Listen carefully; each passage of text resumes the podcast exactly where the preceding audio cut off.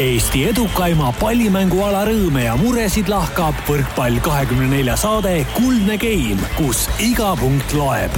taustajõuna hoiab mängul hoogus ees Kredit kakskümmend neli tere, head võrkpallisõbrad, käes on Kuldse Game'i saatesarja saja kahekümne viies osa ja ühtlasi meie uusaasta erisaade.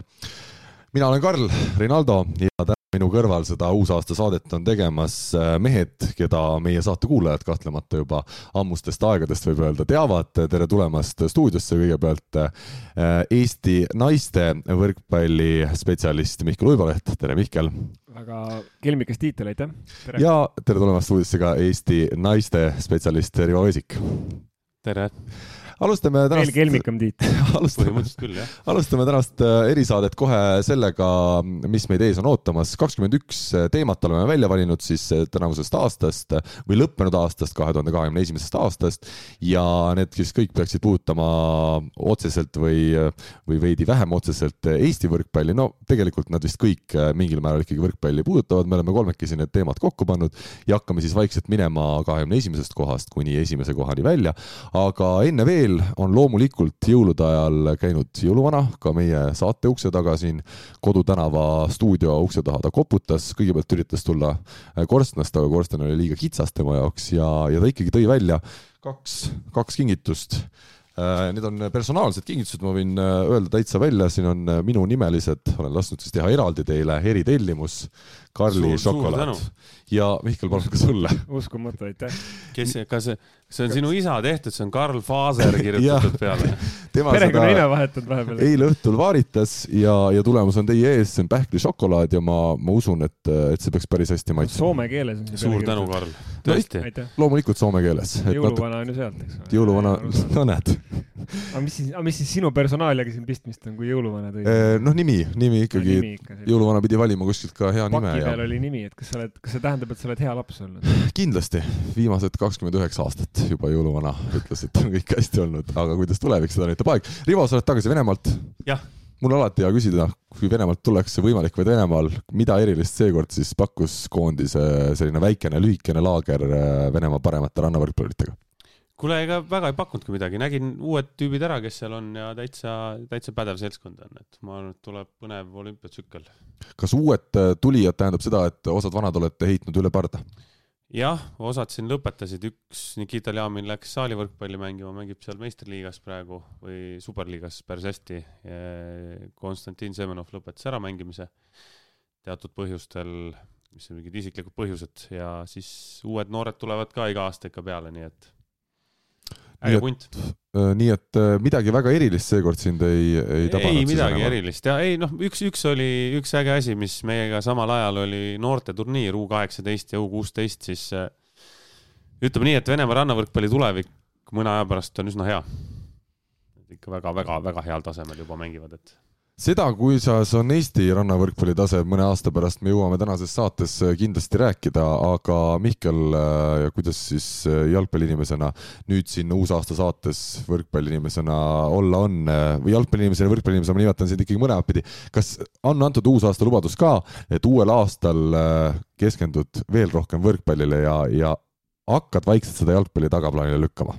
see on huvitav teema üldse, et keegi äh, arvab, et mõnikord, et noh, et, et kuna nüüd siin podcast'is on saanud käia mõned korrad, et siis äh, justkui ma kindlasti oleks pidanud muutma oma harjumusi, noh a la, et noh, et nüüd sa raudselt vaatad võrkpalli rohkem. et siis ma alati üllat- või noh, jutumärkides üllatan inimesi, vähemalt äh, minu jaoks ei ole see mingi üllatus, et ma olen terve elu vaadanud võrkpalli täpselt sama palju või vähe, nagu ma praegu vaatan, nii et selles mõttes ei tule midagi, ei tule midagi muuta, aga ma tahtsin selle jõuluvana kohta enne öelda ja soome, soomekeelsuse kohta, et mul õnnestus paar aastat tagasi käia Rovaniemis seal jõuluvana, jõuluvanal külas. Ja seal oli siis selline, sai minna talle siis sinna siis tema, tema juurde juttu vestma ja istuma, siis küsiti, et noh, et kust te olete. ma ütlesin, et Eestist, siis oodake, mõned minutid ootasime, siis jõuluvana juurde lasti sisse ja siis, äh, siis jõuluvana hakkas meiega puhtas eesti keeles rääkima. küll tugeva soome aktsendiga, aga tõesti, ta pidas terve pika ja ütleme, suhteliselt sellise nüansirohke vestluse pidas, pidas nagu või kandis välja siis, siis eesti keeles, nii et noh, kui siin keegi räägib, et kas jõuluvana on olemas või ei ole, siis mina küll usun, et on olemas, ma nägin oma silmaga. millal see oli? paar aastat tagasi, enne, enne pandeemiat. võib-olla see oli Jukka Toiala, Eesti korvpallikoondise praeguse peatreeneri eelmine töökoht, et ta juba valmistus ja, ja oligi eesti keele juba ära õppinud. jah, või siis Jarmo Madikaineni, kes oli Eesti naiste jalgpallikoondise peatreener, kes, kes mõlemad jah, räägivad ju tegelikult väga hästi eesti keelt aga ma küsiks ühe küsimuse, eestlasliku küsimuse, kui sina, mina ei ole jõuluvana juures käinud, palju ruute oli? oi, kõvasti, kõvasti ja kõik need, need päkapikkude poekesed, kust endale kingitusi sai hankida seal ja nii edasi, nii edasi, et, et noh, seal oli muidugi kommertsteema oli, ühelt poolt oli väga armas selles mõttes, et sai sinna jõuluvana juurde temaga kohtuma. see kohtumine oli mingi, peaaegu kestis ligi kümme minutit ja mitte see, et ma oleks nagu küsinud, et kuidas siin on ja, vaid ta ise rääkis. see oligi niisugune nagu formaat, et mingi noh, ligi kümme minutit sai seal olla ja suurt järjekorda polnud ka.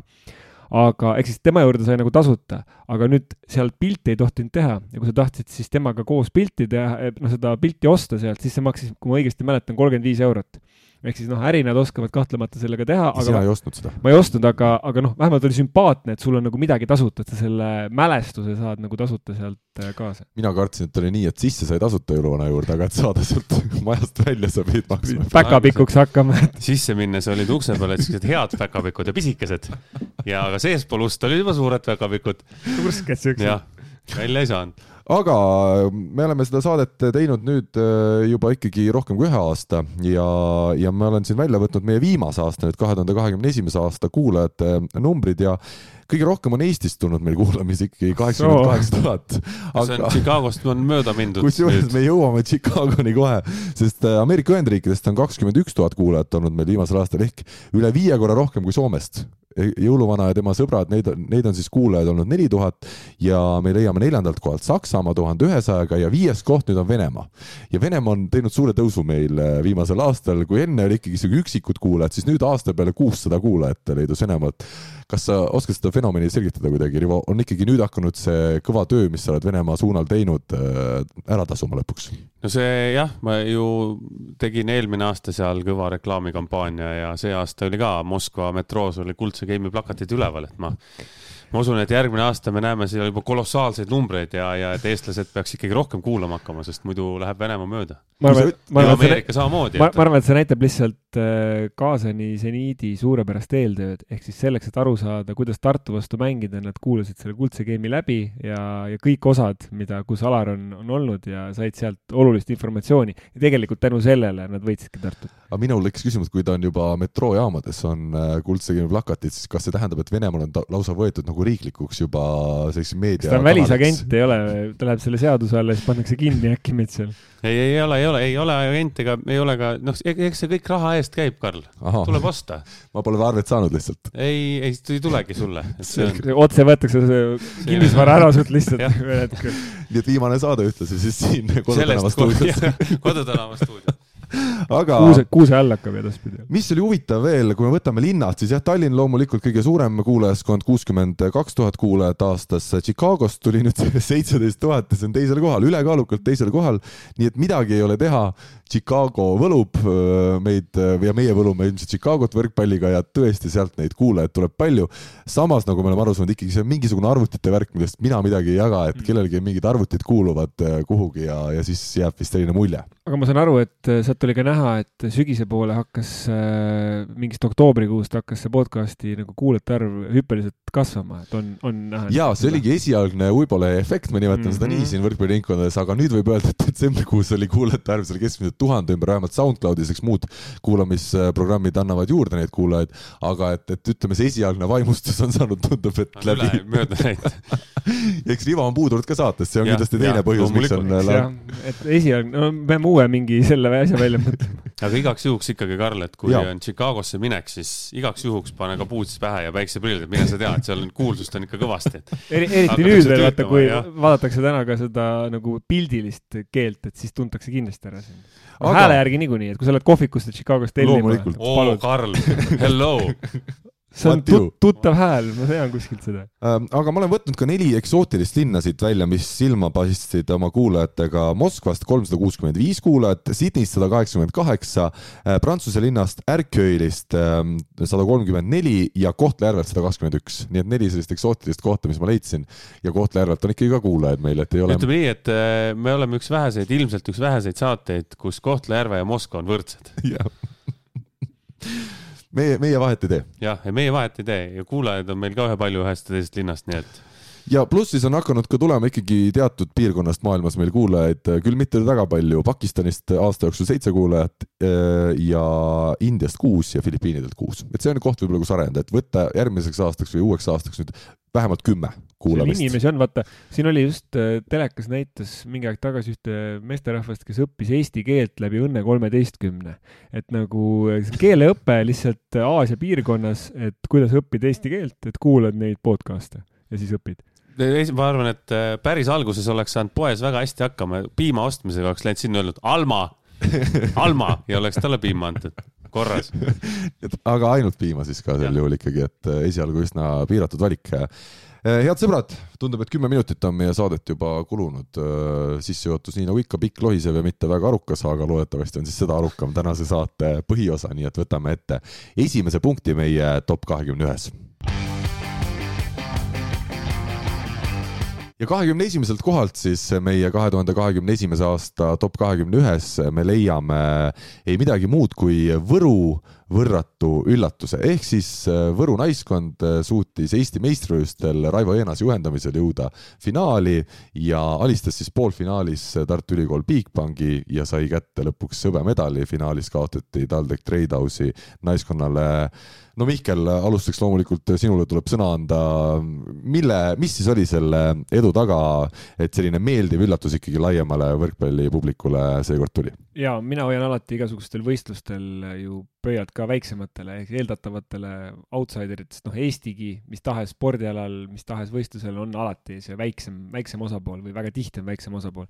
aga äh, Võru puhul oli see, et noh, nad mängisid oma stiili Äh, nad äh, nii-öelda noh, hindasid, ma arvan, reaalselt oma võimalusi ja ei hakanud äh, seal liigseid asju leiutama ja noh, neil on lihtsalt ka see tuumik, mille noh, mille, mille valdav osa ju moodustavad nende enda õpilased, kellest osad on nüüd nagu tagasi tulnud.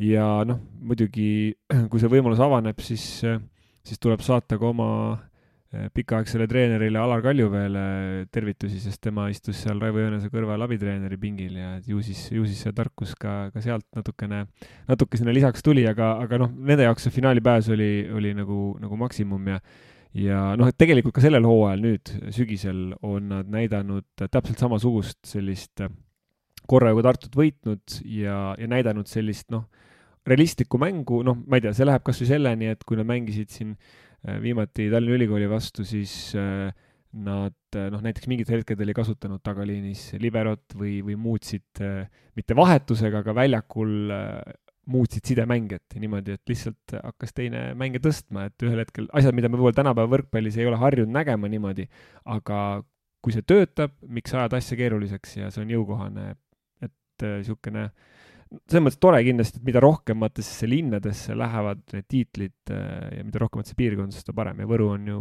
ju olnud kaardil ja kasvatanud palju mängijaid, nii et, et väga tubli no poolfinaalseerias Tartu vastu kaks esimest mängu kaotati, aga kolm järgnevat siis võideti, oli seal selgelt ka Tartul see võidukramp. Ja, ja ütleme, kogenud mängijaid oli küll ja veel selles Võru naiskonnas, aga üks, keda ikkagi esile tasub tuua, ma usun, on Liise Hollas, kes ka sel aastal juba Tartu naiskonna ridades äh, pikaaegse Eesti koondise põhitegijana on, on kinnitanud, et ta võib olla küll temporündaja aga sellest hoolimata tema roll on olnud ikkagi väga oluline, nii siis Võru naiskonnas nüüd välismaalt tagasi tulles, kui ka tänavu juba Tartu ridades. jah, ta on midagi enamat kui temporündaja, ütleks niimoodi siis, ja teiselt poolt äh, selle Hollase perekonnanimega tegelasi on seal platsil tavaliselt mitu, et see on täiesti ka fenomenaalne perekond, ütleks niimoodi, võrkpalliperekond, spordiperekond, et äh, ja noh, Kaisa Pahmatsev äh, on seal kindlasti see, kes, kes mängib olulist rolli, aga sealt tulevad ka ikkagi mõned noored mängijad ja, ja neil on õnnestunud seda noh, nende võib-olla pluss on see, et need, neid mängijaid ei ole seal nüüd kaubandus, kaubanduslikes kogustes, aga nad on õnnestunud, neil on õnnestunud seda tuumikut nagu hoida ja võib-olla hoida ala juures ka, ka mängijaid, kes, kes võib-olla noh, teistes klubides jääksid selle tähelepanuta, võib-olla noh, ei mängikski enam või vähemalt mitte sel tasemel no ja ma julgen ikkagi öelda nii, et kui äh, osades võistkondades suvine ettevalmistus tähendab seda, et saadakse jõusaalis kokku ja pallitrennis laotakse põhja, siis äh, Võru naiskonnas ikkagi suvine ettevalmistus tähendab seda, et Raivo Jeenasel on kakskümmend neli seitse mobiiltelefon käes või lauatelefon, mida iganes ta kasutab ja, ja ta helistab naisi läbi ja veenab neid mängima, et ma tean tegelikult seal on mingid mängijad, kes pole juba aastaid mänginud äh, mingil tasemel võrkpalli Eestis, aga ta ikka helistab ja küsib, et kuule, nüüd on aeg tulla tagasi ja noh, teatud inimeste puhul see ikkagi on väga hästi mõjunud ja tänu nendele, tänu sellele, et Raivo Jõenas sedasi on ikkagi seda tööd teinud väga-väga tõsiselt ja järjepidevalt, ongi veel mõned mängijad veel mängimas tänaseni naiste meistriga tasemel. ja noh, tuleb ka seda arvesse võtta, et mängud on nende jaoks nagu treeningu eest, et ma saan aru, et nad ei saa ju võistkonnana nii palju kokku kui, kui teised, et eks see pikas perspektiivis on raske kindlasti ja, ja noh, niimoodi no ühel hetkel see peaks nagu teoorias noh, mõjuma nagu tasemele ka, aga, aga noh, tuleb tunnustada seda, et, et, et hoitakse elus seda, seda võistkonda kõige paremas mõttes ja mitte lihtsalt elus, vaid ikkagi kõrgel tasemel. Just, Rivo, sa, sa oled ilmselt nõus, et Raivo Eenas, kes on ja. pool sajandit olnud Eesti naiste võrkpalli juures, äh, on, on järjekordse autasu kätte saanud. Nüüd päris pika vahe järel, aga, aga on selle kätte saanud. jah, ega mul ei olegi siin midagi lisada, et kui treenerite pink on selline ja piisavalt kogemust väljakul ka, siis, siis võib igasuguseid asju juhtuda ja eelmine aasta ükskõik mis võistkond seal oleks finaalis olnud, ega see finaali jõudmine oli ka kõigi lagi, sest TalTech oli lihtsalt nii tugev. aga TalTechini ja naiste võrkpalli teiste klubideni me kindlasti jõuame siin saate osa, saate järgmiste osade juures veel, praegu aga võtame siis kahekümnenda koha jätkame, kahekümnes koht, nii nagu öeldud ja selleks on siis äh, see sündmus, mis tänavu sügisel või juba talve kätte jõudes äh, kohale tuli. ehk siis selline varajane jõulukingitus Tallinna Tehnikaülikooli meeskonnale, kes pääses Saaremaa võrkpalliklubi asemel mängima tugevalt kolmandat eurosarjat CEF Challenge Cupi no meil on siin eraldi väikene selline kõrvalrubriik ka tänases saates, viis sellist äh, humoorikat juhtumit tänavusest võrkpalliaastast, aga aga selle sündmuse oleme valinud ikkagi põhikategoorias siia kahekümnendale kohale. Ehm, nii nagu me oleme rääkinud nii siin saates kui ka erinevad inimesed meil avalikus ruumis, siis äh, väga erinev, eriline asi mida juhtuda ilmselt ei tohiks, aga kui ta juba juhtus, siis äh, huviga elame TalTechile kaasa. TalTech siis jätkuvalt euro, eurohooaega meil jätkamas ainsa Eesti klubina. Rivo, esmalt sõna sulle veel kord, kuigi me oleme tõesti sellest juba päris palju rääkinud siin aga saates. ma arvan, et egas äh, eks ta selline kurioosum ole, mida ilmselt kunagi väga kuskil juhtunud ei ole ja mida, nagu sa ütlesid, ei tohiks juhtuda tegelikult, kui reglement oleks paigas äh,. ja ega siin pikalt nagu midagi rääkida ei ole, et no minu, minu jaoks on ta siiamaani on üsna korralik huumor, et äh, aga TalTechil hoiame kindlasti pöialt, jah.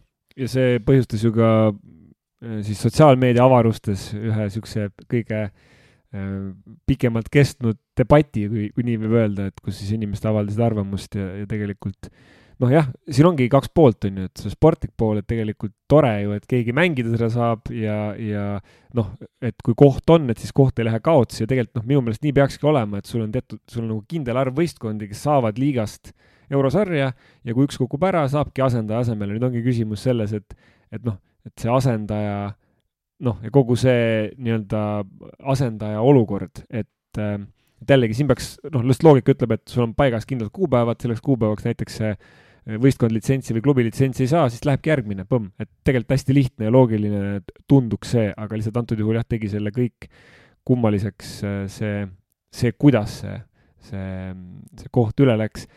ja noh, jama on jah selles, et nagu, äh, mis õnneks mulle tundus ka seal Facebooki äh, vestluses lõpuks see asi nagu jahtus maha selles mõttes, et keegi ei ole ju noh, ka Rivo, kes seal sõna võttis, et tema ei võtnud vast-, sõna ju nagu sportlaste vastu kuidagi, olles ise äh, treener ja, ja, ja pikaaegne sportlane ise, et aga lihtsalt see, see oli nagu nii äh,, nii kummaline, et, et tabas nagu kõiki sellise üllatusena, aga, aga noh, mingis mõttes oli hea, et see saaga nagu lõpuks mingisuguse, noh, ta pidi saama mingisuguse lahenduse, aga noh, ma mõtlengi, et kui me kas või siin omavahel rääkisime nii, nii mikrofoni ees kui ka, kui ka omavahel, et milline see lahendus võiks olla, et ma usun, et ega me keegi väga ei mõelnud sellise lahenduse peale, et see tuli lihtsalt nagu põmm.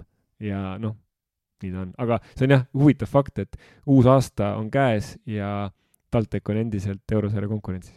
nii on. Ja aasta alguses siis kaks äh, mängu on pidamas äh, Schönenwerdiga Šveitsist äh, meie, meie TalTech ja, ja hetkel on siis teada see, et mõlemad kohtumised peetakse tegelikult Šveitsis, šveitslased tegid pakkumise, mis TalTechile sobis, nad vist ise seal suurt midagi maksma ei peagi, kas sa nüüd lennupiletid äkki olid, võin siin eksida, aga kindlasti ka ole klubi, keda TalTech ei võiks võita.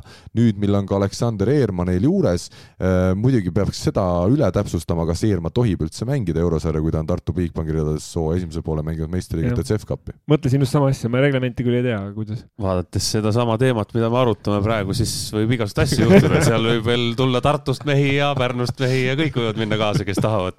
kui nüüd seda antud teemat vaadata, et, et. Analoog on olemas, jah. eks, eks see selgub. Selgub. Ja kuna meil on täna veel väga palju erinevaid punkte võtta, siis lähemegi juba järgmise juurde nendest aasta võrkpalluri tagasi kodumaale tulek on siis meie edetabelis üheksateistkümnendal kohal ja me räägime loomulikult äh, Martti Juhkamist, kes siis mängis aastaid äh, välismaa tugevates liigades ja nüüd, mil siis kaksikud kevadel sündisid, otsustas tulla tagasi Eestisse, sõlmis Tartu Bigbankiga paariaastase lepingu ja Martti Juhkamit oleme sel hooajal siis näinud juba palju väljakul ja, ja tartlased võitsid ka Eesti, Eesti karika väga kindlalt ära, nii et esimene tiitel on Juhkamil olemas mida nüüd teie Marti tagasituleku kohta ütlete, millist, ütleme, laiemat kaalu või tähendust omab see, et äh, meie siis eelmise aasta parimaks mängijaks valitud äh, mees, mees on tagasi kodus? no siin on, siin on see küsimus, et miks ta tagasi kodus on, et kas sellepärast, et tema enda sportlik tase on langenud või sellepärast, et kohalik liiga on tugevamaks läinud või lihtsalt sellepärast, et ta tegi selle valiku perekondlikel põhjustel. et noh, ma usun, et ta sportlikult on endiselt heas vormis, vähemalt minu silma jaoks samal ajal noh, liiga tase pigem, nagu me oleme tõdenud, on ikkagi kukkunud, ehk siis pigem on küsimus selles tema nii-öelda isiklikes eelistustes. Ja sellest lähtuvalt on see väga hea, et eh, koondised tulevad oma karjääri lõpetama ja veel nagu heas vormis lõpetama koduliigasse, et jällegi mul on jalkast mitu head paralleeli siin juba Kostja Vassiljev on mitmendat hooaega Eestis mängimas. Mitte halvasti, vaid pigem hästi ja väga hästi. ja Ragnar Klavan, kes on tõsi küll vigastustega pikalt siin nüüd maadelnud ja maadleb ilmselt ka edasi, on ka nüüd tagasi, et sellised asjad annavad lihtsalt kõvasti juurde ja noh, ma arvan, et see eurosarja väljund äh, on, on oluline äh, Marti jaoks, et ta sai eurosarja mängida, vähemalt kõrvalt vaadates mulle niimoodi tundub, aga noh, ilmselt ei ole välistatud, et ta veel mingisuguse välismaa äh, reisi ette võtab, sest noh, taset tal kindlasti on, aga aga see, noh, kuidas öelda, et seda ei saa niimoodi kellelegi, kellelegi ju kohustuseks panna, aga ütleme niimoodi, et ideaalmaailmas võiks iga, minu, minu silmis iga tippmängija, eh, kes, kes välismaal eh, leiba teenib, tulla viimaseks aastaks-kaheks veel nagu tõsisel tasemel mängima ka koduriiki tagasi, lihtsalt selleks, et see on nagu kultuuriliselt oluline ja, ja ka noh, rikastab seda seda, seda võistkonda ja annab, annab võib-olla noortele edasi midagi sellist, mida nad kuskilt mujalt ei saaks. Marti puhul on, äh, olid ka vigastused, ta oli ka päris pikalt oli kimpus mingite asjadega ja ma arvan, et need on äh, kolm, asja kokku, et üks on see pere pool, teine on äh, natukene see, see vigastuste pool, et Eesti liigas on see koormus on, on rohkem, kuidas öelda siis, rohkem reguleeritav mängijate puhul, et sa ei pea kõik kõiki mänge mängima ja põhimängijana on ju, et kui välismaale ikkagi ostetakse Juhkami-sugune vend, et siis ta üldiselt on ikkagi väljakul kogu aeg. ja, ja noh, kolmas äh,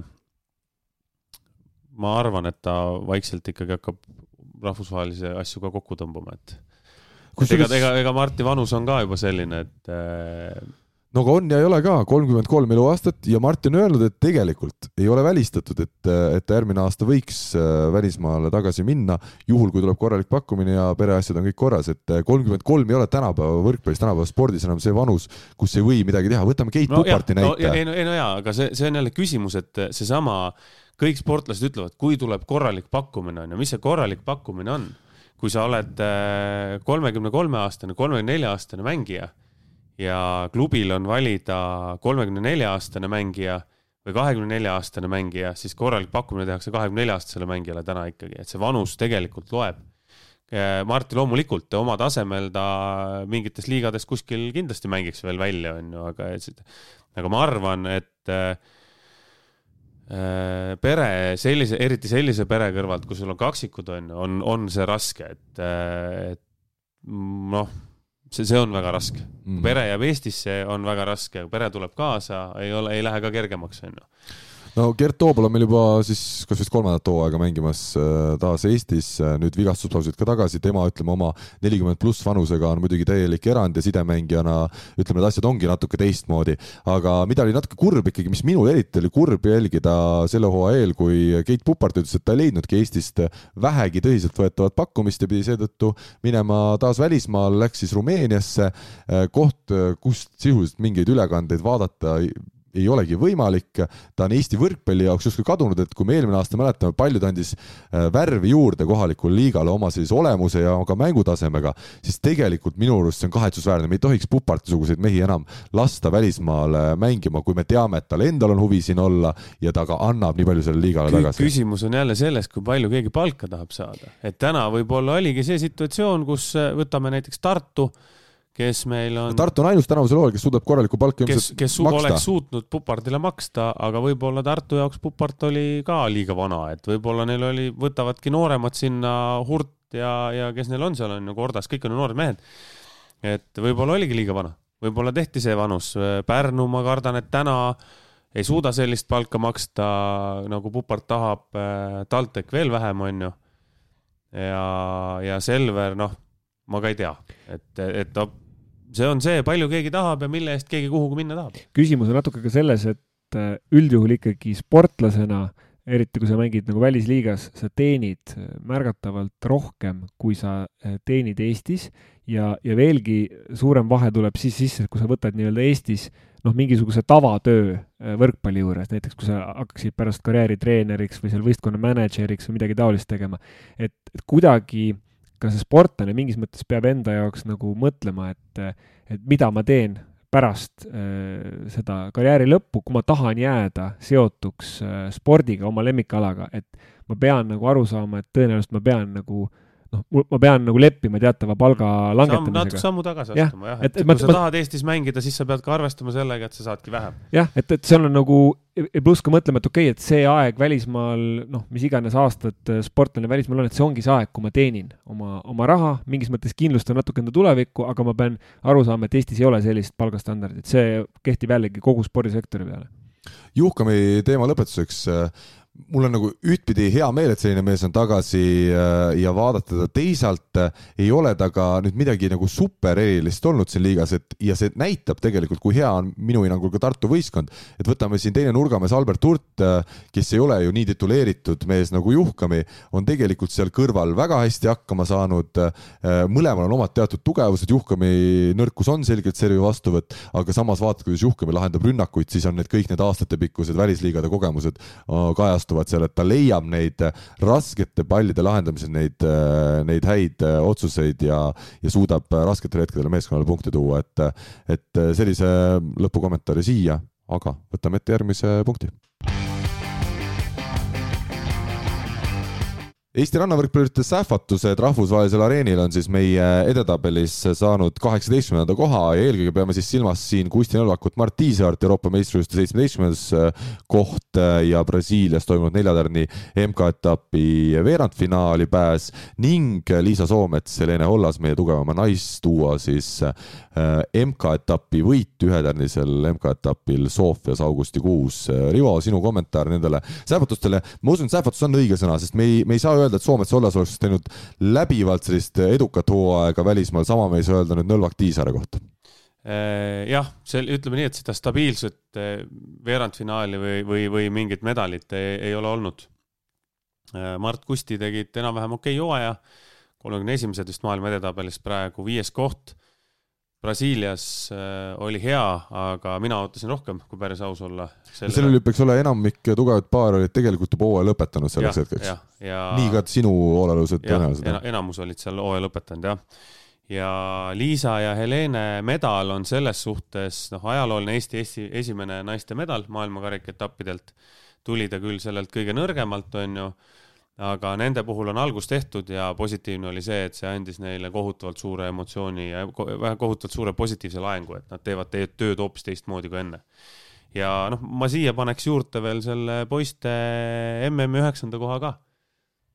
et noh, see tuli konkreetselt tulemusmetsast, et kuna nad kahekesi tulidki metsast sõjaväest ja läksid ja tulid MM-il üheksandaks, siis siis ükskõik, mis tiitlivõistlusi me viimasel ajal vaatame täiskasvanute ja noorte hulgast, siis see on üks paremaid tulemusi, noh MM-idelt eriti, et MM-idele väga peale ei saada ja, ja ja ta ongi viimase aja peale Kristo Kollo ja Oliver Venno minu arust võitu, on see MM-i üheksas koht äh, Eesti võrkpallis kõige parem.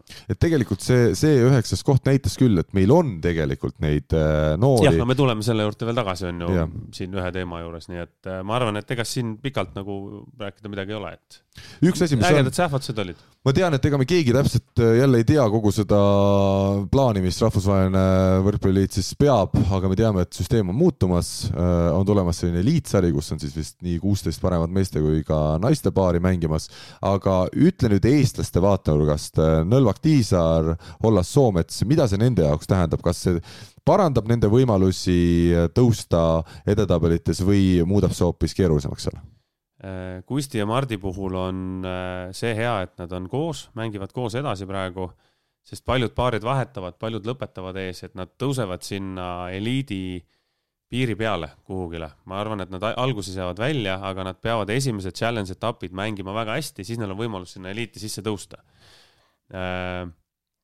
Liisa ja Helene ilmselt alustavad Challenge'ist, äh, mis on siis tugevuselt teine sari. ja noh, eks nad seal peavad näitama ja mängivad neid futures'id, ma arvan, et saavad jah. Mm.. ma arvan, et saavad, et peavad neid futures'id mängima kohe-kohe. Nüüd jaanuari algul peaks uus kalender välja tulema, see on nagu FIVB-ga räägitud juba. ja eks siis ole näha, kes kuhu kukub. Äh, Liisa ja Helene selle aasta kõige suurem eesmärk on kvalifitseeruda Euroopa meistrivõistlustele, et see, see, selle nad on välja öelnud selgelt ja ja noh, loodame, et õnnestub, ma, ma loodan, et Mart ja Kusti saavad äh, sinna eliiti peale, noh, kõige hullem selle asja juures on see, et turniire on vähe ja ega seal esimese taseme mängijatel mingeid piiranguid ei ole, et nad võivad mängida nii esimest taset kui ka teist taset, kolmandat neil ei ole mõtet, seal nad kaotavad punkte aga see teeb nagu raskeks, et kui need tugevad tulevad ka sinna challenge'isse, siis seal juba võita on, on keerulisem ma tean, sa oled äh, Liisa Heleenega ka siin trenni teinud või neile trenni andnud. ma tean, sina oled ka. jaa, ma olen olnud äh, see õnn. Äh, mina oma seisu tean, mina, mina tulen alati kohale, kui kutsutakse. EM-ile ei lähe või? kui kutsutakse, lähen ka sinna kindlasti ära ma ei ütle. aga mis on sinu kui treeneri seis siis, kas sa aitad neid siis, kui sa oled Eestis, milline teil see kokkulepe on? Ma aitan neid siis, kui ma olen Eestis jah, nii palju, kui mul on võimalik ja, ja ütlen kõigile teistele ka, et ma aitan teisi ka, kes tahavad. kas täna õhtul sobib? helistage. homme hommikul üheksa. selge, olen kohal. homme hommikul üheksa. Äh, ma võin paar tundi hiljaks jääda aga. ma just ütlen kuulajatele ka, et me lindistame tänast saadet tegelikult äh, vana aasta õhtupoolikul, et, äh, et eetrisse läheb teisel jaanuaril, aga me tegelikult vana aasta viimasel päeval seda teeme, jah aga jah, äh, ma aitan kõiki nii palju, kui ma saan, kui ma Eestis olen, nii et võtke julgelt ühendust ja, ja teeme koos ägedat asja. hästi, Mihkel, sina ei ole kedagi rannavõrkpallipaari juhendamas, ei ole ka ise EM-ile minemas ilmselt? ei ole, aga ma kindlasti äh, aastal kakskümmend kaks satun mõnikord ka mõnele rannavõrkpalliväljakule, et, et ennast proovile panna, aga see on hoopis teine teema jah, suurtest kaotustest siis järgmise aasta edetabelis saame kindlasti rääkida, kui Mihkel peaks need võistlusstardid tegema rannavõrkpalliareenil. negatiivsed sähvatused. Negatiivsed sähvatused harrastajatelt on meie järgmise harrastajate hulgas. Kes, kes jäi liiva peale pikutama? Aga äh, pead liiva alla me siin saates täna ei pista, sest aeg on minna edasi järgmise punkti juurde ja nüüd siis äh, selline veidikene teistsugune teema, õrnade teemade aasta selline märksõna ja mida see siis tähendab, tähendab seda eelkõige, kui me vaatame võrkpalli vaatenurgast, ikkagi Kertu Laak meie oma saates siin Kuldses Skeemis mõni aeg tagasi rääkis äh, tegelikult, äh, kuivõrd keeruline võib olla mentaalselt ka tippvõrkpallis ja just võib-olla tippvõrkpallis see kogu, kogu töö, et kui ikkagi liiga palju seda võrkpalli elus on, äh, saalivõrkpall, koondise võrkpall, ei tule ka alati sellist, äh, ütleme, saalivõrkpall, rannavõrkpall pidasin silmas ja ei tule ka kohe sellist arengut iga aasta nagu tahaks äh, ja on veel mingisugused muud küsimused juures, siis, siis siis võibki tekkida selline hetk ühel momendil, et, et ei teagi, kuidas edasi minna. täna on Kertu meil siis Eestis võtmas võrkpallist aega maha ja, ja kogumas tuure, et siis hooaja teisel poolel jälle välismaal mängida. milliseid mõtteid see, see punkt tekitab Mihkel sinus? ja see seitsmeteistkümnes koht siis, eks ole, sellel, sellel, selles tabelis ja noh, vabalt võiks olla ka kõrgemal, aga ta kindlasti väärib siin kokkuvõttes äramainimist. Et need teemad on just sellised, kui me siin eelmises punktis rääkisime pea liiva alla peitmisest, et siis see on asi, kus ma ütlengi, et ei tohi, ei, ei tohiks kindlasti pead liiva alla peita, sest need on nii olulised punktid. ja see ei puuduta ainult seda, noh, see on erinev vaimne pinge või ka vaimne vägivald, mis on ka sel aastal ju, ju teemaks olnud, välja tulnud, et kuidas treenerid või treener suhtub oma õpilastesse näiteks. ehk äh, kui me räägime päris tipust, siis on ju loogiline, et sul on äh, keha kogu aeg pingul, sest et sa teed oma äh, maksimumi lähedased ja üle maksimumi sooritusi isegi, ja vaim on samamoodi pingul, sest vaimselt samamoodi sa teed seda ja see võib tähendada, et mingi hetkel tulevad murdumised. Äh, psühholoogilised murdumised tähendab see siis seda, et äh, ma ei tea, võivad tekkida söömishäired kas või, või meeleoluhäired või midagi taolist, või siis see teine on see, et kuskil keskkonnas noh, sind, kas siis sind väärkoheldakse või see keskkond on selline, mis tegelikult noh, ei, ei soosi sellist, noh et mina tean äh, mitmelt alalt äh, lugusid, kus on mängijad läinud välismaale ja avastanud, et see keskkond, mis neid ees ootab, ei ole kuigi professionaalne. alates sellest, et treeningtingimused ei vasta tegelikult sellele, mis on ootused ja ka treenerite käitumine ei ole noh, professionaalne erinevates tähendustes, et et, et neid olukordi on palju ja ja nendest tuleb rääkida, et ainus nii-öelda vaktsiin nende asjade vastu on, on see, kui nendest asjadest nagu avalikult räägitakse, sest et sest et noh, ja just ka see, et ma arvan, see aasta on olnud, kaks tuhat kakskümmend üks on olnud selline väga tänuväärne, et need teemad on üles toodud, on tekkinud mingisugune arusaam, et noh, me peame nendest rääkima, esimesed ka sellised noh, reaalsed dokumendid, kus on kirjas, mis asjad need on, on, on ära kirjeldatud ja noh, eelkõige see märkamise asi, et, et ei ole nii, et kui järsku üks, üks mängija kaob trennist, olles edukas olnud, kõik on justkui hästi olnud, et siis me noh, võimegi öelda, ah, mis seal on, et noh, enam ei viitsinud mängida nagu, et selle taga võib tegelikult olla mingisugune kõva trauma ja kõva, kõva üleelamine ja no ongi, et kuhu pöörduda, et me kõik nagu korra mõtleksime, eriti sellisel pühade järgsel ajal või sellisel härdal ajal, nagu praegu on, et et vaataksime oma ligimeste üle ja see ei tähenda, et meil on nagu, peaksime iga treener igat sammu vaatama nagu tohutu luubiga, et see on natuke sama, nagu see Covid pandeemia algas, siis hakati tohutult vaatama igas situatsioonis, et kas sa nüüd ikka pesid käsi ja kas sul see maski äär oli nagu õigesti või mitte. Ja sellest nagu to-, satuti nagu tohutult nagu, keskenduti sellele väikesele detailile ja unustati võib-olla see suur pilt ära, et siin samamoodi, et me ei pea nagu äh, me ei pea nagu selgelt korrektselt käituva treeneri elu äh, nagu raskemaks tegema, küll aga tuleb teatud usaldusmehhanismid luua ja noh, ka lapsevanem rohkem kaasata näiteks, kui me räägime noortest. et, et igal juhul äh, kõva, minu poolt nagu kõva tunnustus nendele inimestele, kes on erinevate nende niisuguste õrnade teemadega sel aastal välja tulnud. ma ütleksin siin äh, veel, teeks sellise üleskutse, me oleme seda rääkinud ka, et eh, noortele võrkpalluritele, sportlastele, nende vanematele, et äh, rääkige, tulge rääkige, et rääkige treeneritega, küsige treenerite käest, rääkige oma mured ära, sest treeneritel on ka hoopis lihtsam tegutseda nende, nende, murede, kui nad teavad neid asju, onju ja jumala eest äh,, sama ma ütlen veel kord, kui keegi tahab minuga rääkida, siis helistage või kirjutage, et ma hea meelega räägin, kui, kui on aega, onju. Teine, selle Kertu Laagi teema minu jaoks on ta ta on kogu aeg mul peas olnud, mina ise tegin äh, oma poistega teistmoodi natukene, sest oli näha, et noortetreenerid, ma saan aru, et neil on vaja tulemusi kõikides klassides, kõikides liigades, igal pool on vaja tulemusi. ja nemad tahtsid lihtsalt nagu tühjaks lasta need tüübid. Juba enne seda, kui nad hakkavad mängima mingisugustki tippvõrkpalli, onju. ja see on täna me oleme rääkinud selles saates ka, see on minu jaoks täna Eesti võrkpallis ka üks suur probleem. ma, siin on üks teema veel, kus ma, ma seoksin sama asjaga ära. on see, et Kertu Laak oli kuueteistaastaselt või viieteistaastaselt juba nii hea mängija. ta mängis kõiki vanuseklassi, ta mängis kõiki liigasid, ta mängis Balti liigat, Eesti liigat, Soome, Rootsi, Läti, B-klassi, C-klassi, A-klassi, U kõike, kõike, kõike. mängis rannas, igal pool mängis, ta kogu aeg mängis ta täna on kui vana? kakskümmend kolm. kakskümmend kolm, tal võrkpallis kopp ees. ta on võrkpallist kõrgem, aga see on ka loogiline. peabki olema kui sa paned või kaheksa aastat, sa mm. -hmm. paned kogu aeg nagu ainult kütad, ainult kütad, siis selle, selle koha peal võib olla üks väike vigastus, mis tõmbabki juba mentaalselt põhja ja ongi kõik.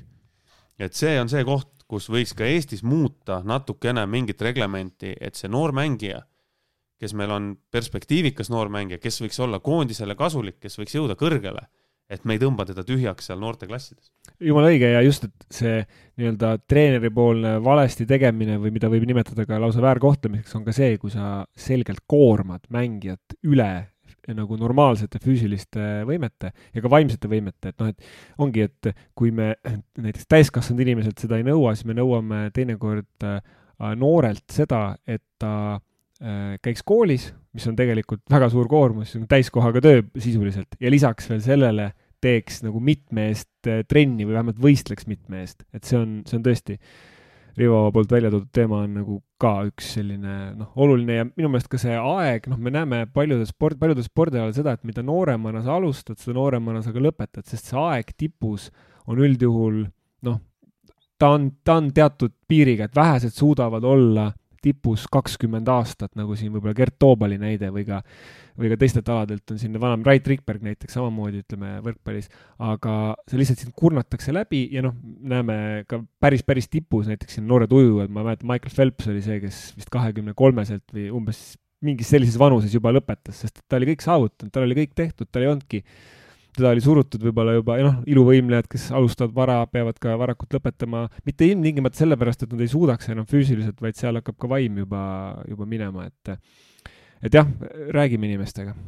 Äh, aga Kertu puhul kindlasti ei hakka ta midagi lõpetama, see on selge, et äh, see on selline puhkepaus ja ja ma usun, et ta on hooaja teises pooles kindlasti ükskõik, kus ta siis karjääri jätkab, paremas hoos, kui ta oli siin hooaja alguses siis Saksamaal. ja, aga ma loodan, et nüüd äh, märgatakse seda, et, et ta ise andis sellega väga hästi märku, et tegelikult ei ole kõik nii hästi, kui välja paistab, on ju, et sa vaatad, oi, siin mängis Itaalia liigas ja välismaal ja Eestis oli tegija, et et nagu Mihkel ütles, et see Kertu puhul jumal tänatud, et ta ise sai sellest aru ja ise võttis selle aja maha. ta võttis selle väga julge Jah, otsuse, et ta ei täpselt. vali kohe uut koduklubi. täpselt, et ta võttiski aja maha, mõtleb natuke, puhkab natuke võrkpallist, saab pea puhtaks. Ja mitte ei olnud see, et ta läheb viimase hetkeni, võtab uue ja siis peale hooaega lihtsalt kaob ära, nagu sa ütlesid, onju, ja siis keegi ei tea, miks, et ju siis, ju siis ei viitsi enam. Mm. aga läheme meie edasi ja võtame siis järgmise punkti.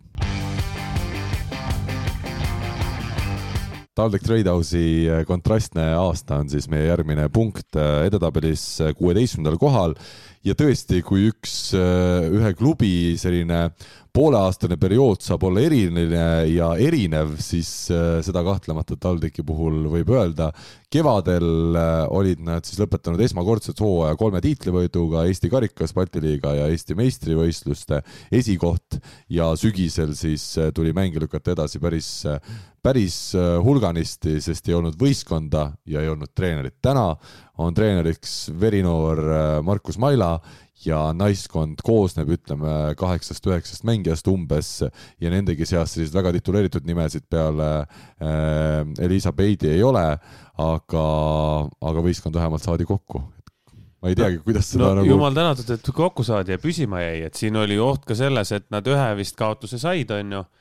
ja tegelikult natuke vedas, et, et Lätist tuli see koroonapuhang peale, kaks mängu vist jäeti ära, et oleks seal üks mäng otsa tulnud, oleks olnud tehniline kaotuste liigast läinud. Aga kuigi ma ütlen, me võrkpallis juba teame, et siin on alati erandeid võimalik jah teha, noh jah, aga, aga ütleme nii, et,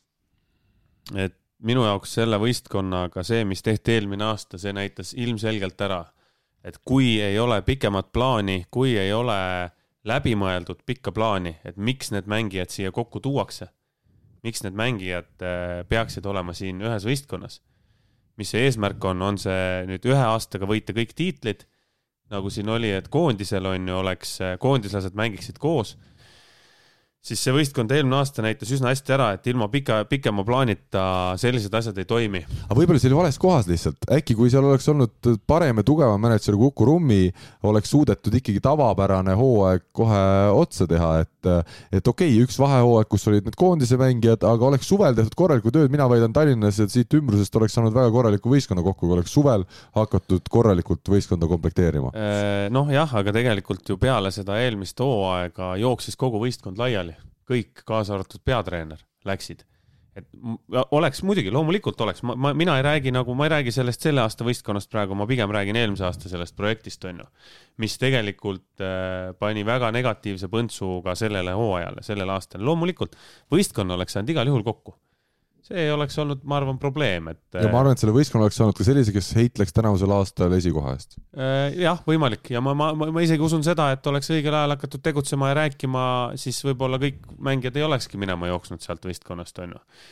aga jah, mina, mina tõmbaksin, võtaksin selle aasta tagasi selles suhtes, et see, mis tehti üle-eelmine aasta, see, see oli suur viga. ma küsin võib-olla sellise küsimuse selle kohta, et kas äh, sinu poolt mainitud Uku Rummi on, kas see, see tema mänedžeri töö, kas see on täiskohaga töö või ta tegelikult, tal on põhitöö, mille kõrvalt seda kõike teeb? no tema võiks vist TalTechi klubis küll olema meeskonna okay., naiskonna juures ikkagi täiskohaga okay.. No... aga, aga ma tean, et ta on isegi öeldud, et seal oli palju erinevaid faktoreid, miks see lõpuks läks nii, nagu ta läks, see uue hooaja võistkonna komplekteerimine ja noh, me teame kõik, kui raske on leida arvestada tasemel üldse treenereid, kes oleks nõus andma kõik oma õhtud sellele, et ühte amatöörnaiskonda meistriliigas juhendada, aga ikkagi oleks saanud seda kindlasti paremini teha, aga ma huviga ootan seda, et võib-olla Uko on mingil hetkel valmis ka sellest kõigest äh, lähemalt rääkima. jaa, kuulaks hea meelega, selles mõttes, et ega ei taha ju kritiseerida lihtsalt kritiseerimise pärast, aga see on kahtlemata nagu kurioosum ja kui me vaatame selle aasta äh, Eesti võrkpalli olulisemaid sündmusi siis või ütleme siis kahe tuhande kahekümne esimese aasta olulisemaid sündmusi, siis ta on siin topis selgelt sees, et see ühe meisterklubi noh, sisuliselt peaaegu et kadumine täielikult on, on väga suur teema. aga meie võtame siit siis ette juba järgmise punkti Pärnu võrkpalliklubi kiire langus on siis meie tabelis viieteistkümnendal kohal.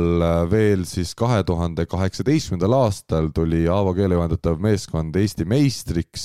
me teame, et ega tegelikult ka siis oli omajagu selliseid küsimärke, see ei olnud päris päris ütleme oodatud tiitel pärnakatel, aga ta ikkagi tuli täna, kahe tuhande kahekümne esimese, kahekümne teise aasta hooajal. me võime öelda, et Pärnul ei ole mingit šanssi võita ei Eesti meistritiitlit ega Balti liigat, sest see võistkond, mis neil hetkel koos on, lihtsalt ei ole konkurentsivõimeline et see on, see on huvitav olnud, see langus ja Mihkel, ma tean, sa oled ka siin mingeid numbreid vaadanud, et ega Pärnumaal tegelikult, mis on olnud aastaid ju võrkpallikants, ei ole see seis ka noorte osas ja harrastajate osas enam eriti roosiline. ja ma vaatasin huvi pärast, et näiteks kümme aastat tagasi spordiregister ütleb, et Pärnu maakonnas oli kuussada kakskümmend üks võrkpalliharrastajat ja täna ütleb selleks numbriks kolmsada seitsekümmend seitse ehk siis kukkumine on olnud päris korralik. ja noh, teine asi on see, et et noh, võikski öelda siis, et noh, et, et kas siis või kas siis see üldine harrastatavus ja, ja siis see, see kuidagi see, see esindusmeeskonna kukkumine on omavahel ilmtingimata seotud, aga ma ütleks ikkagi, et see on niisugune nagu, ma vaataks seda nagu veel nagu pikemas skaalas, et hulk mängijaid, mis Pärnust Eesti võrkpalli üldse on tulnud läbi aegade, et, et noh, mina mäletan ikkagi neid aegu, kui Eesti koondis sisuliselt koosneski pärnakatest, see oli noh, see, see oli meeletu hulk, mis Pärnu noortetreenerid tootsid kogu, kogu Eestile. ja lisaks meeskonnale oli ka naiskond äh, ju, ju väga korralikul tasemel. aga sealt on nagu niisugune jupp jupi kaupa on see nagu lagunenud äh, või noh, kas lagunenud on võib-olla nagu kõlab karmilt, aga ta on ikkagi selgelt astunud nagu natukene kogu aeg tagasi, tagasi, tagasi ja nüüd see jõudis nagu sellele tasemele, et ollakse Eesti klubidest äh, siis sellel kohal, nagu ta ollakse, ehk siis kõige, kõige kehvem Eesti klubidest kõrgliigas hetkel. aga lihtsalt, et ma, ma arvangi, et, et ei saa vaadata nagu esindusmeeskonda eraldiseisvalt, see on kogu selline äh,, selle ala äh, selline hoog selles linnas ja see hoog on nagu pidevalt raugenud noh, siin tuleme selle treenerite teema juurde tagasi, et et ma ei tea, mis seis praegu on Pärnu võrkpalliklubis, kui Pärnu võrkpalliklubi, ma ei tea, kas Pärnu spordikool ilmselt tegutseb veel, on ju. aga mingi hetk oli Pärnu võrkpalliklubis olid treenerid Andrei Ojamets, Oleg Lazarev. ma ei mäleta, keegi andis seal veel trenni. Pärnu võrkpalli spordikoolis olid Helju Sutt ja Johannes Noormägi siis need on, need neli treenerit tegelikult on, olid sellel hetkel ka absoluutne Eesti tipp nagu absoluutne Eesti, ma arvan, et Johannes Noormägi on üks kõige rohkem võitnud treenereid üldse, Heljo Sutt samamoodi, et äh, oli neli treenerit, oli ilmselge konkurents kahe nagu koha, kahe asutuse vahel. võrkpalliklubi tahtis olla parem kui spordikool, spordikool parem kui võrkpalliklubi. sellel hetkel käisid isegi sellised asjad, et äh, spordikoolist osteti ülemängijaid, umbes nii. kuidas seda tehti? ma ei, ma ei tea, aga igatahes oli, et Mait Pärg mängis esimese U kakskümmend aasta, siis mängis spordikoolis ja teise aasta mängis juba meil Pärnu võrkpalliklubis, onju. ja pidev selline ka Eesti meistrivõistlustel omavaheline konkurents, kes on eespool, kes on nii edasi, nii edasi, selline asi käis. praegu ma tean seda, et ega see treenerite seis Pärnus ei ole roosiline. Heljo Sutt tahab juba ammu lõpetada Riina Ernits äh, samamoodi vist, vist ka nagu plaanib lõpetada, Toomas Jasmin lähebki nüüd ära, onju. Äh, see on kes, selge juba? kes, ja noh, ta vist ütles selle välja mingi hetk ka, et tema lõpetab treenerina. Äh, täiesti lõpetab ära treenerina? jah, jah, nii ma sain aru küll, jah. ma võin muidugi eksida selle koha pealt, aga nii ma sain aru. ja asele, asemele sinna võtta nagu tegelikult ega väga kedagi ei olegi. ja kui sul on Pärnu suuruse linna peale, neljakümne tuhandese linna peale, ütleme Äh, kolm treenerit või kaks treenerit, siis äh, see on esiteks on juba väga vähe, nagu väga-väga vähe, sa ei, sa ei saagi seda massi, sul ei olegi seda. ja teiseks on see, et noh, need treenerid äh, ongi juba, Helju Sutt on vana inimene, no andke andeks, onju, ta ei jaksagi. ta ei jaksa. ta ei peagi jaksama enam. jah, ta ei peagi jaksama. jah, ta ei peagi jaksama. ja ka siin tuleb mängu konkreetselt treeneri kategooria ajavahe jõuda kolmandast viiendani, mis on klubile kasulik juba, et ta saab riigilt toetust, treeneri palgatoetust, on viis aastat. ükski noor täna, need, see peab olema ülim fanatism, et sinna jõuda mm.. võrkpalli puhul, eriti võrkpallis on ka palgad madalad, on ju. ja, ja nii kui astub üks vanem treener eest ära, on potentsiaalne augukoht. siin, noh, see haakub natuke nüüd selle, selle jutuga, mis sa rääkisid, aga laiemalt ka statistika ütleb tegelikult, et nendest treeneritest, kes on teinud endale eh, siis sellise esimese treenerikoolituse läbinud või saanud esimese treeneri kategooria, et võrkpallis on tegelikult päris palju neid, kes ei tule uues, ei tule oma litsentsi uuendama, ehk siis tegelikult nad teevad kategooria ära, võib-olla nad siis töötavad või ei tööta, aga siis nad loobuvad sellest treeneritööst ja see protsent oli, noh, minu meelest, ma võin natuke eksida, aga sinna seitsmekümne protsendi ligi või, või noh, ühesõnaga. päris uskumatu. ma võin äh, rääkida, mis need numbrid viimati olid. Äh, esimese kategooria treeneril ei ole ju õigust tööd teha tegelikult. esimese kategooria treener, kolmanda kategooria treener on, äh, peab olema aasta otsa trennides jälgima. tema ei tohigi tööd teha lastega ametlikult. selles suhtes sa tohid, onju, aga siis kuidagi lapsevanem maksab sulle ise ja siis lapsevanem usaldab sind. klubis mm. otseselt tegelikult ei tohi. Äh, neljanda kategooria, sinna pead aasta aega jälgima, siis äh, pool aastat teed oma neljandat kategooriat, siis sa saad klubisse tööle riigi toetust sul ei ole, klubi peab sulle palka, maksma palka. Äh, klubi maksab sulle palka nii palju, kui ta suudab seda maksta, üldiselt jääb see sinna kolmsada kuni viissada eurot kuus, eks ju. ja siis sa pead töötama kolm aastat klubis neljanda kategooria treenerina, et teha ära viies kategooria, kus sa siis hakkad juba saama nagu riigi poolt toetust ka. see on viieaastane protsess ja see number, kolmanda kategooria tegi Tallinna Ülikoolis ära, kui ma ei eksi, siis kakskümmend neli inimest. neljanda kategooria tegi järgmisel aastal või, või mingi aja pärast tegi ära kas äkki kaheksa ja viiendat kategooriat ei tehtud, sest ei saadud kokku inimesi. Ja, ja kusjuures ma vaatasin ka siin äh, spordiregistrist äh,, kui me seda saadet ette valmistasime, ka erinevaid numbreid, näiteks üks number oli see, et võrkpallitreenereid, kes on seal siis mingi kutsetaseme saavutanud, on, on sada nelikümmend seitse üle Eesti. Ja näiteks Äh, meil tuleb sellest ühe punkti all ka hiljem juttu, aga näiteks äh, eesmärk, mis tegelikult oli pandud aastaks kaks tuhat kakskümmend üks, oli see, et neid oleks vaja kakssada viiskümmend. Et oleks, ehk siis tegelikult on treenerite põud, aga tulles tagasi selle võrk- või Pärnu võrkpalli juurde, siis ma, kas ma, kas ma eksin, kui ma ütlen, et esiliigas ei ole ju ka pärnakatel võistkonda? ei ole.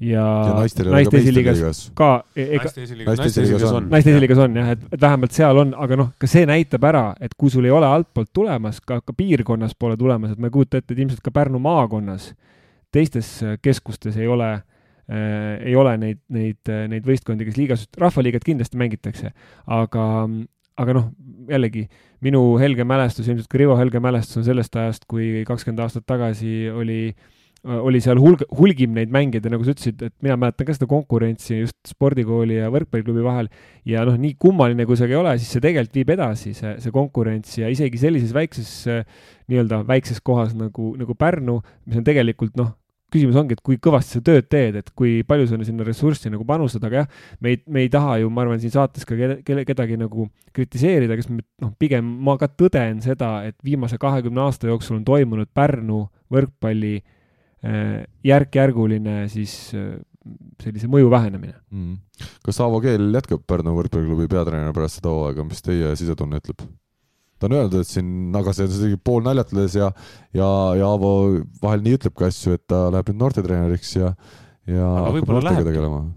Aga võib-olla lähebki, see olekski, kusjuures see oleks Pärnule oleks ülikasulik nagu, üli, ülikasulik, sest Aavo on, Aavo on ju päeva lõpuks, ta on ikkagi nii, kuidas öelda, tema, ta, ta tahab võtta kõigist välja maksimumi, mida ta teeb, eks.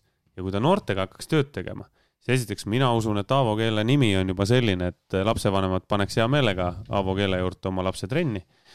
ja teiseks on see, et Aavo hakkaks ka suruma seda, et meil peab olema esiliiga võistkond, me peame noortega tegema rohkem tööd, nii edasi, nii edasi, nii edasi.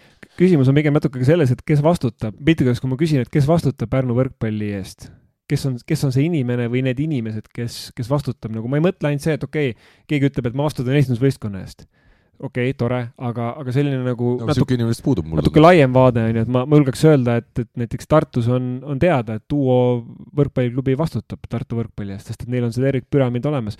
aga Avo puhul järgmine aasta on tal juubel tulemas. Ja sa oled juba kutse saanud või kus sa seda nii hästi?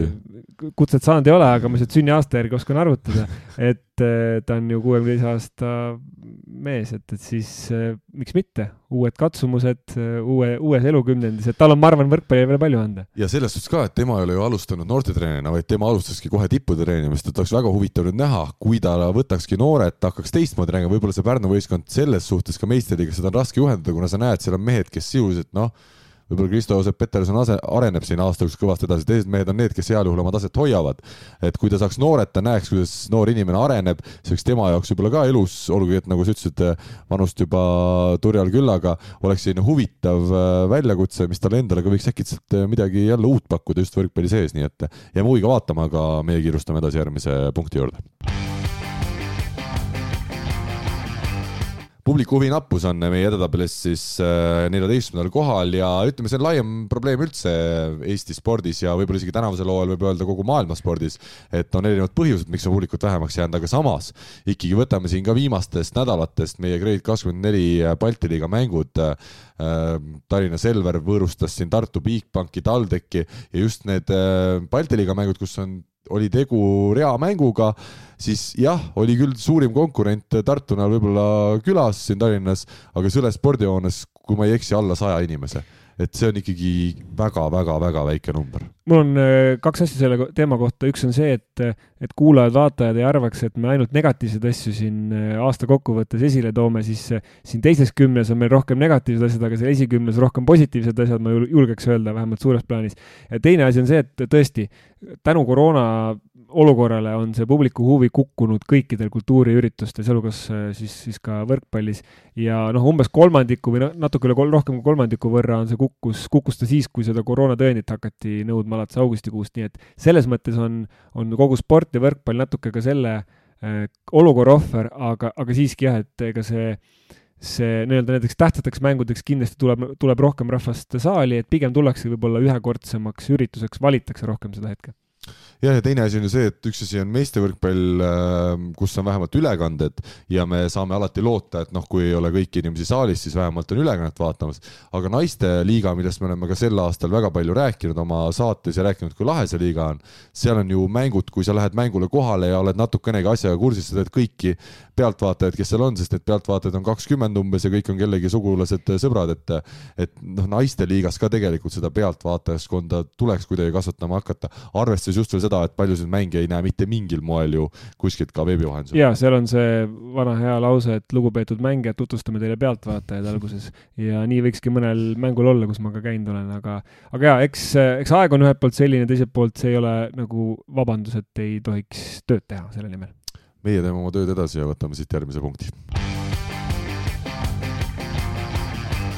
Robert Tähe keeruline aasta on siis meie edetabelis kolmeteistkümnendal kohal, ütleme laiemalt Eesti võrkpallurid välismaal, keegi meeletult head aastat ju tegelikult ei teinud, ma usun, et me siin äh, väga palju neid positiivseid näiteid ei leiagi, et kui hakkasime siin ka ise valima aasta paremaid äh, võrkpallureid, siis ei olnudki välismaalt meil võtta kedagi väga säravat, kes oleks ka võitnud mingeid suuri tähtsaid tiitleid, olnud ise võtmerollis, võtame tänavuse hooajaga või, või ka eelmise hooaja meistrite liigas, et Martti Juhkami seal mängis, aga väga eba, või ütleme õnnetult siis koroona tõttu jäi Friedrichshafeni hooaeg veel katki ka seal juba alagrupi faasis, et äh, erinevalt varasematest aastatest, kus me meistrite meistrite liigas viis-kuus mängijat ja veel treenerid olid ka kambas, Eesti koondisega seotud treenerid, siis äh, ei ole Euroopa tipptasemel täna enam selgelt nii palju äh, mängijaid, nagu, nagu olid siin kaks-kolm-neli aastat tagasi, et see on asi, mida tuleb kindlasti arvestada.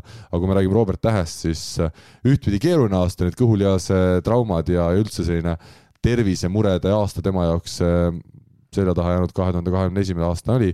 teisalt nüüd kohe, kui on jälle vigastustest jagu saanud, Belhatovis Graz Poola tippklubis mänginud ennast põhikoosseisu ja ikkagi olnud päris palju põhitegijate hulgas, et, et äh, huvitav, huvitav aasta ja huvitav jälgida nüüd äh, Robert Tähega järgnevat aastat. mis mulje teile Robbie hetkeseis jätab? Jätkuvalt vist Eesti ikkagi parim võrkpallur, kui me vaatame suurt pilti, kus ta mängib ja kuidas ta mängib. jah, kindlasti ja mina tooksin siia sisse sellesama, millest me rääkisime Kertu Laagiga, et äh, Robert Täht on virutanud viimased seitse aastat kogu aeg, tal ei olegi praktiliselt pausi olnud, et küll noorteliigadest alates kuni siis sinna Poola meistriliigani välja, et äh, ta on kogu aeg mänginud ja kogu aeg olnud trennides igal pool, et äh, tahes-tahtmata inimese keha väsib.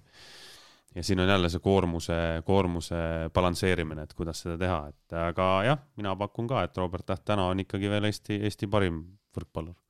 Kui me juba sellest alanud hooajast räägime, mis on siis jõudnud tänaseks umbes poole peale, siis eestlased välismaal, kui me vaatame meeste või meie mehi, siis äh, kaks nime, mis mul tulevad, kerkivad esile, Andrus Raadik Soomes Savo Volley ridades teinud meeletult hea hooaja ikkagi, äh, olnud seal punktides üks liiga paremaid, aidanud võistkonna paljude tähtsate võitudeni ja, ja pääsenud ka vast et igal kuul sinna kuu parimate mängijate sekka Soomes.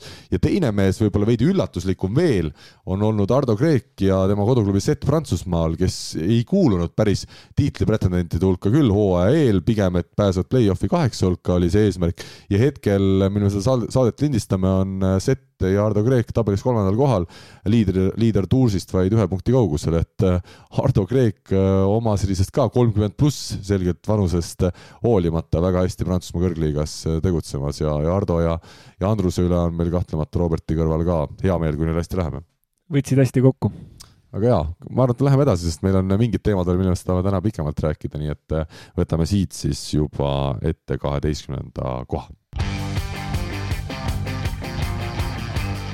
ja kaheteistkümnendalt kohalt me leiame siis Tallinna Selveri meeskonna, kes eelmisel hooajal tuli Eesti karikavõitjaks ja võitis seitsmeaastase pausi järel ära ka Balti liiga. Rainer Vassiljev ja tema valvsad ja hoolsad hoolealused sellega hakkama said.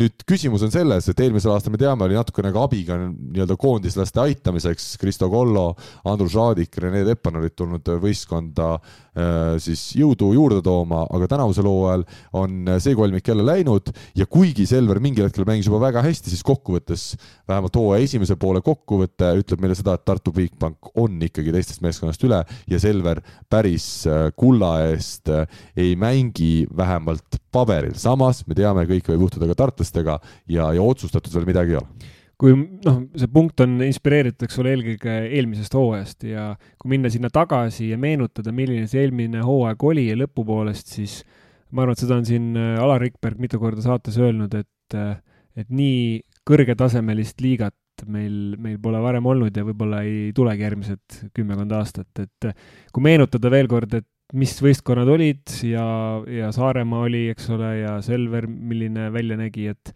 et tõesti oli ju väga, väga kihvt aasta ja kõrgetasemeline ja see, et Selver sealt välja tuli, noh, see tähendaski seda loogiliselt, et mehed, mehed läksid välismaale ja ka peatreener läks välismaale, et pigem on huvitav küsimus nüüd selle aasta kontekstis, et kuidas siis noor peatreener Toobal ja noh, mingis mõttes ka noor peatreener Rikberg siis, kuidas nemad hakkama saavad, et niisugune see Selveri edu peegeldas toda hetke, mis, mis oli eelmisel, eelmisel hooaja lõpus ja, ja nüüd selle hooaja võitlus on selline noorte peatreenerite võitlus, mida on ka huvitav jälgida. mina ütleks selle kohta nii, et äh, siin ei tule mitte mingit noorte peatreenerite võitlust äh,. Tartu võistkond on nii palju paremini komplekteeritud ja nii palju stabiilsem. Äh, Selveri võistkond on ebastabiilne täna ja ongi, Orav on vigastustega kimpus, kui Orav ei saa oma mängurütmi käima, kes peaks olema liider, siis, siis on Selveril väga raske, sest pingi pealt tulevad mehed on noh Johnson samasugune, et sa kunagi ei tea, mis sealt tuleb, et äh, ta näitab vahel head, aga samas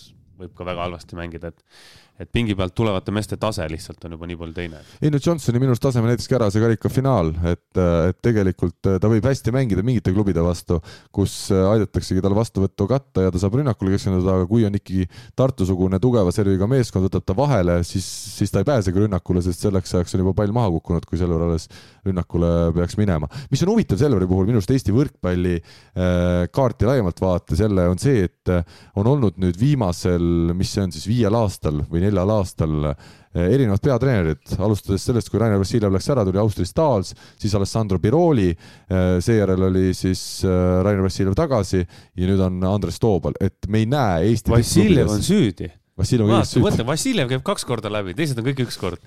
tuleb, läheb minema, tuleb, läheb jälle minema.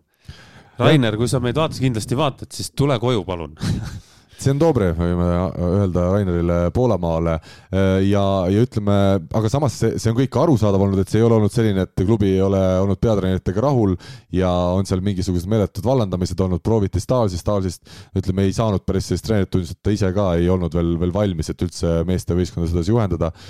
Biroli läks sellepärast ära, et Vassiljev tuli tagasi Eestisse ja igal juhul Eesti treenerit ju eelistatakse nüüd, kui Vassiljev omakorda sai Poola võimaluse, siis Andres Toobal. kas Andres Toobalist on ka peatreeneri materjal? Materjali, seda on huvitav vaadata, kuidas teile tundub see nii?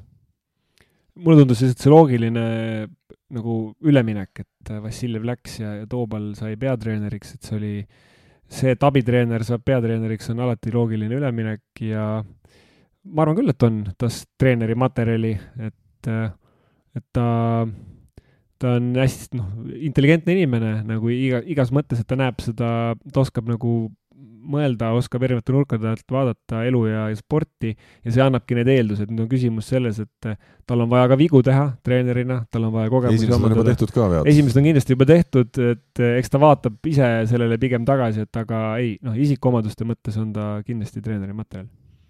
selge, meie läheme siit aga edasi üheteistkümnenda koha juurde ja nüüd siis üks teema, mis kahtlemata on võrkpalliringkondades juba palju kirgi kütnud ja kütab edasi ka. neli meeskonda tänavusel hooajal siis Eestis kõrgeimal liigatasemel mängivad.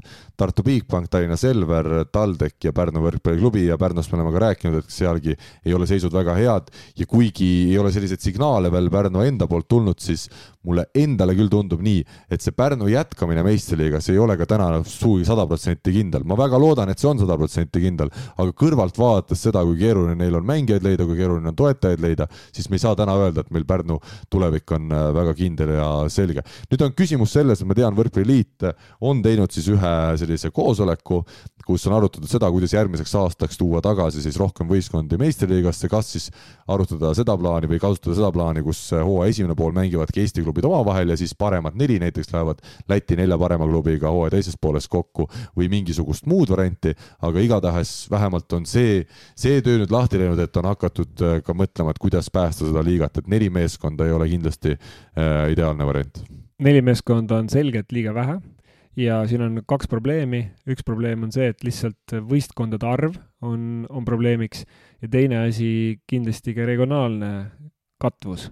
et loomulikult see on üle-eestiline probleem, et rahvas tuleb Tallinnasse ja lähikontsetesse valdadesse kokku, ehk siis ka võrkpallis tegelikult loogiliselt võttes peaksid lähiajal hakkama pead tõstma. Tallinna lähikohad, on see, et siis, ma ei tea, Viimsid, Keilad, kõik siin see kuldne ring ja miks mitte Tallinnast äh, veel võistkondi, et äh, et aga lihtsalt, kui ma vaatan, võtsin ka välja jällegi, mulle meeldib statistika ja igasugused numbrid, et siis ma võtsin harrastajate arvu välja, et meil on praegu spordiregistri andmetel kuus tuhat viissada kakskümmend kaheksa võrkpalliharrastajat ja, ja nendest Harjumaa moodustab kaks tuhat kuussada kolmkümmend üheksa ehk siis väga suure hulga.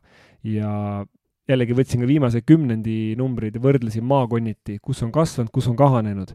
et äh, Harjumaa on tõusnud äh, tuhande viiesaja võrra selle kümne aastaga, oli tuhat ükssada kuuskümmend viis, on kaks tuhat kuussada kolmkümmend üheksa.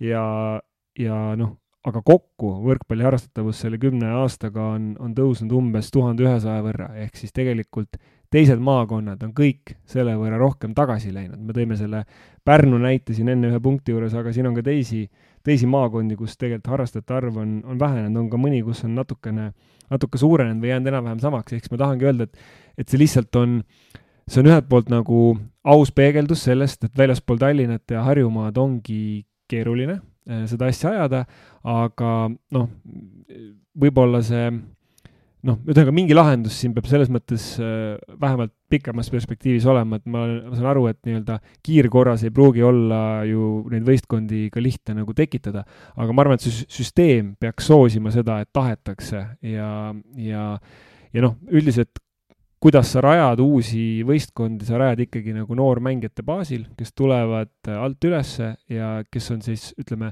ka klubis, kus on juba noortetöö, et, et leida nagu neile loogiline esindusmeeskonna väljund on nagu lihtsam, kui nüüd hakata või noh, on lihtne ja loogiline versus see, et me hakkame täna lihtsalt moodustama, et teeme nüüd ühe pundi Tallinnasse juurde näiteks a la, võtame sellesama Tallinna Ülikooli, et noh, et see, see ei käi nii, et see peaks olema noortetöö all. või no mina toon siia ka selle eh, juurde selle treenerite, treenerite teema jälle, et eh, kui vaadata naiste liigat, on ju, siis eh, naiste liigas äh, Rae vald, puhtalt äh, Argo Tatrik, fanatism, treener, lähme, teeme, proovime ja ma siin möllan ja sebin, on ju. Äh, teised samamoodi, et enamustes kohtades need, kes nagu tulevad, on ikkagi, on ikkagi kas endised võrkpallurid, kes teevad, on ju, või siis on treener see, kes push ib seda asja. et tegelikult ju võiks, võiks olla neid inimesi, kes võtavad äh, kinni ja, ja proovivad, ma ei tea, Võrus teha kasvõi meeskonna.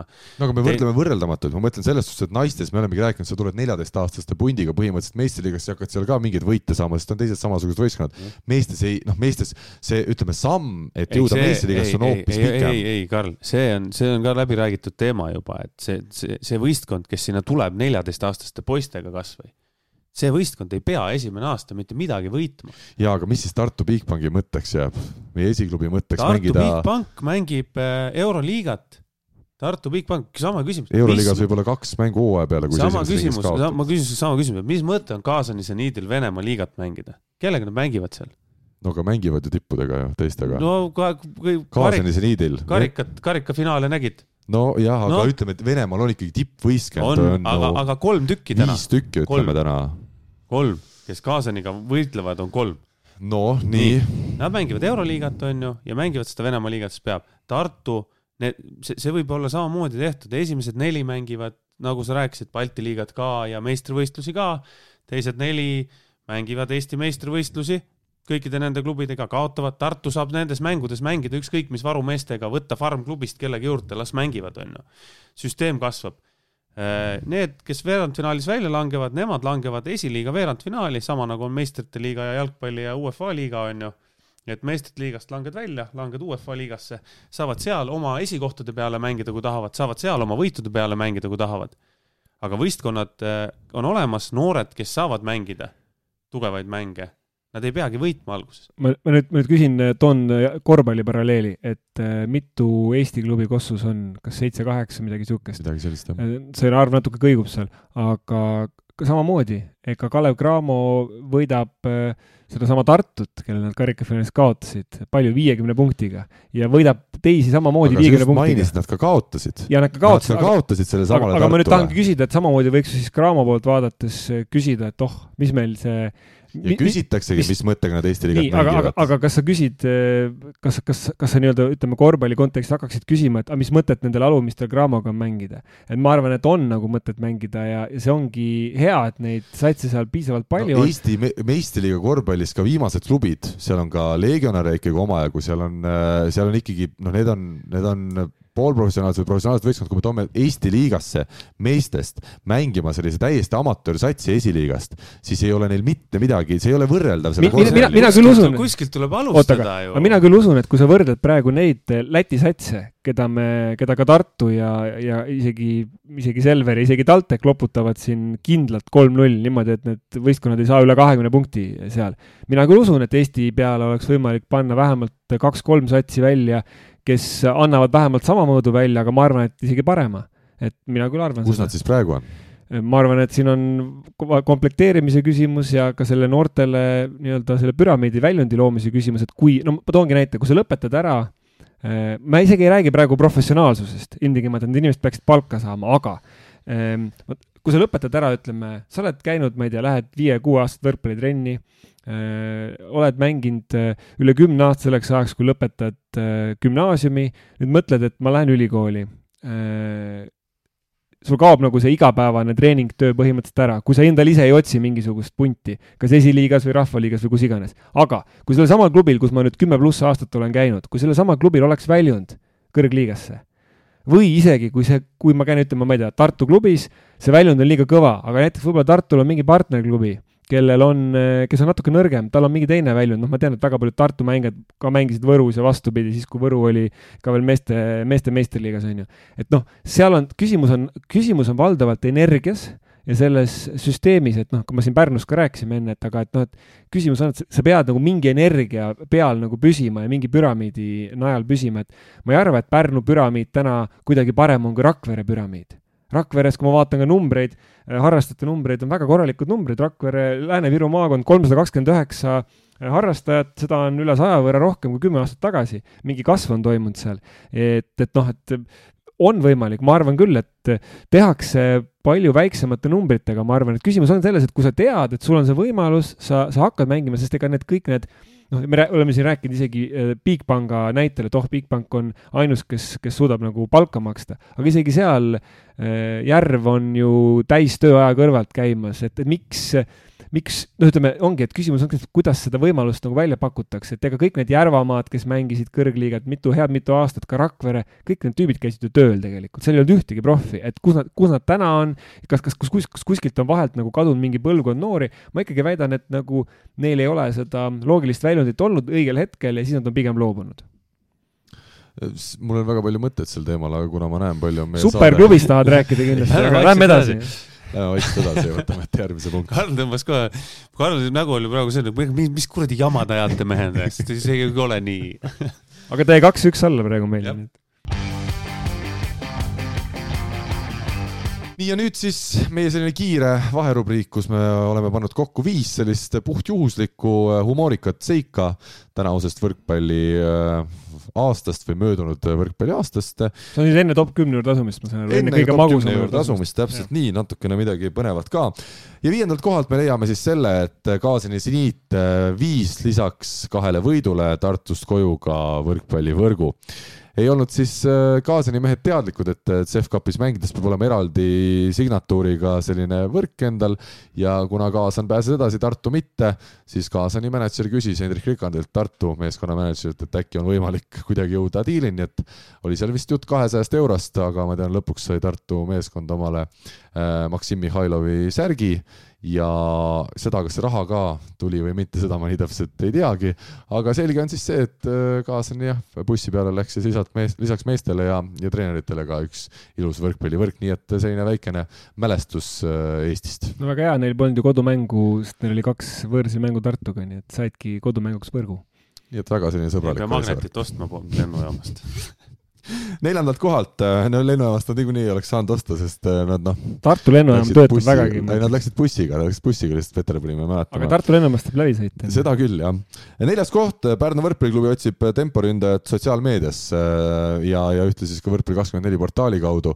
ma olen aru saanud, et vist need, need otsingud veel ei ole ennast ära tasunud, ei ole Eestis neid temporündajaid kuskilt võtta, ma ei tea, kas Rival käis, sinul käis korra kuskilt seest läbi mõte, et aga äkki ikkagi ükskord veel oma kodulinna klubi välja aidata. jah, ma tahtsin äh, tormata appi, aga, aga siis mõtlesin ümber, ma mõtlesin, annan noorematele võimaluse ma ei teadnud, ma ei, ma ei saanud nagu aru infost, millal see casting toimub. ma ootasin ikka casting, mina, mina vana modellina ootasin casting ut, et kutsutakse aadressile ja siis lähed sinna ja keerutad ja lööd servi ja, ja siis öeldakse, kas jaa või ei. Mihkel Raud teeb nii või nii.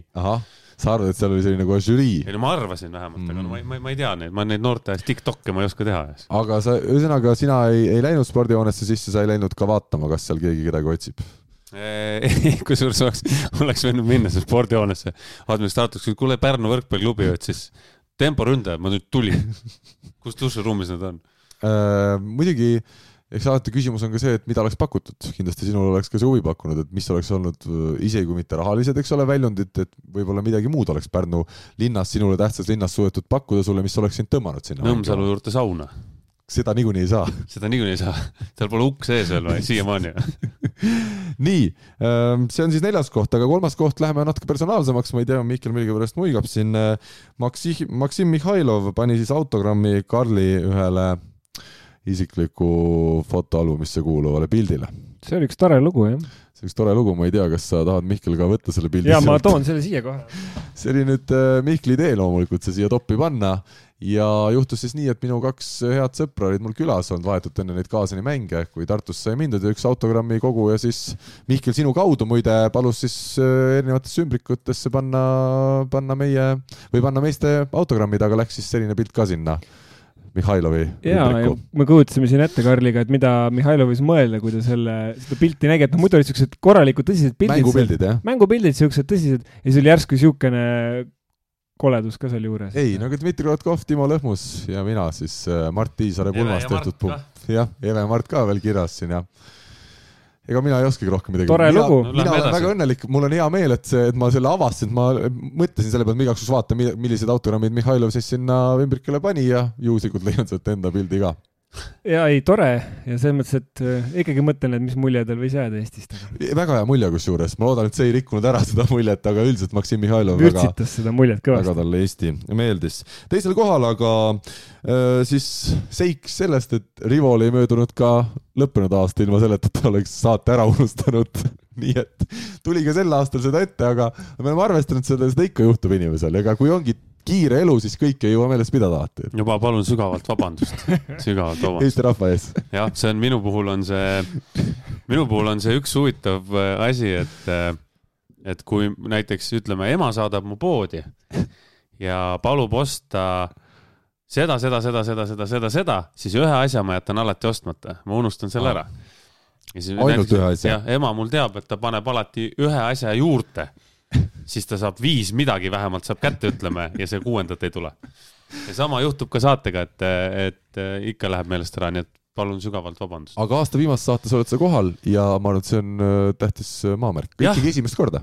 jah, ja. ma ei tea, kas see on aasta viimane või uue aasta esimene, ükskõik kuidas me ta kutsume. aastavahetussaade. aastavahetussaade, jah, jah sügav vabandus, aitäh. aga rohkem huumorit peaks meil siin saates, ma mõtlen aastavahetus, kui me kutsume aastavahetuse saateks, minu arust Eestis ühtegi aastavahetuse saadet sellist tõsist ei tehtagi ju. aga see ongi, turg on täitmata. turg on täitmata. mõtle, inimesed on väsinud kõik sellest äh, tohututest filmidest ja meelelahutussaadetest ja võtavad teisel jaanuaril ette, vaatavad, oo, midagi tõsist, enne kui töönädal pihta hakkab. jah, panevad saate käima ja siis saavad aru, et ei olnudki tõsine. ja esimese kümne punkti peale on nii palju negatiivset, et, et panevad tuleb, kinni selle. see või aastavahetuse salatit tuleb plastmassnoe kahvliga igaks juhuks süüa.